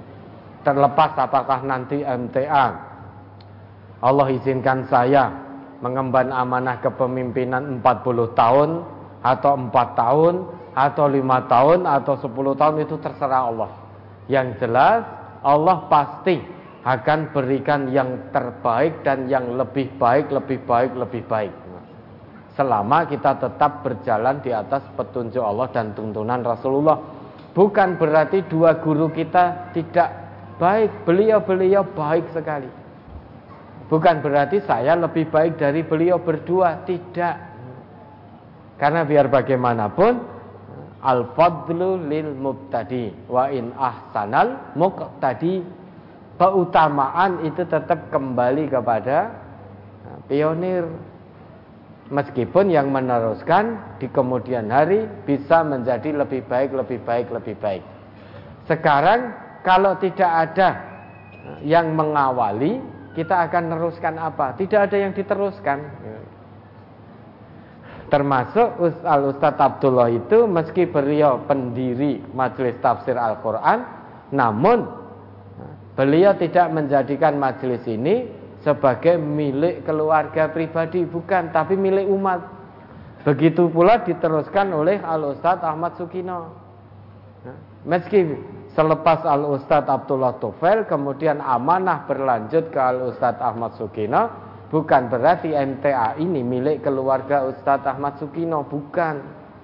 Meskipun kebetulan saya ini putra dari Al Ustadz Ahmad Sukino namun bukan diwan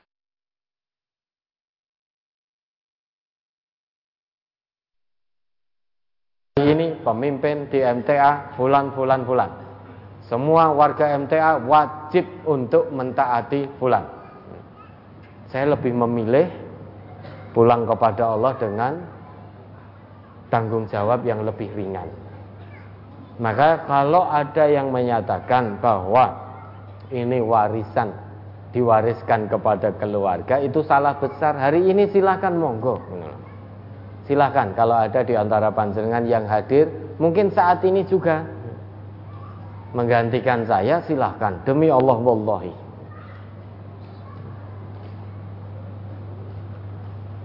Saya turun dari sini alhamdulillah.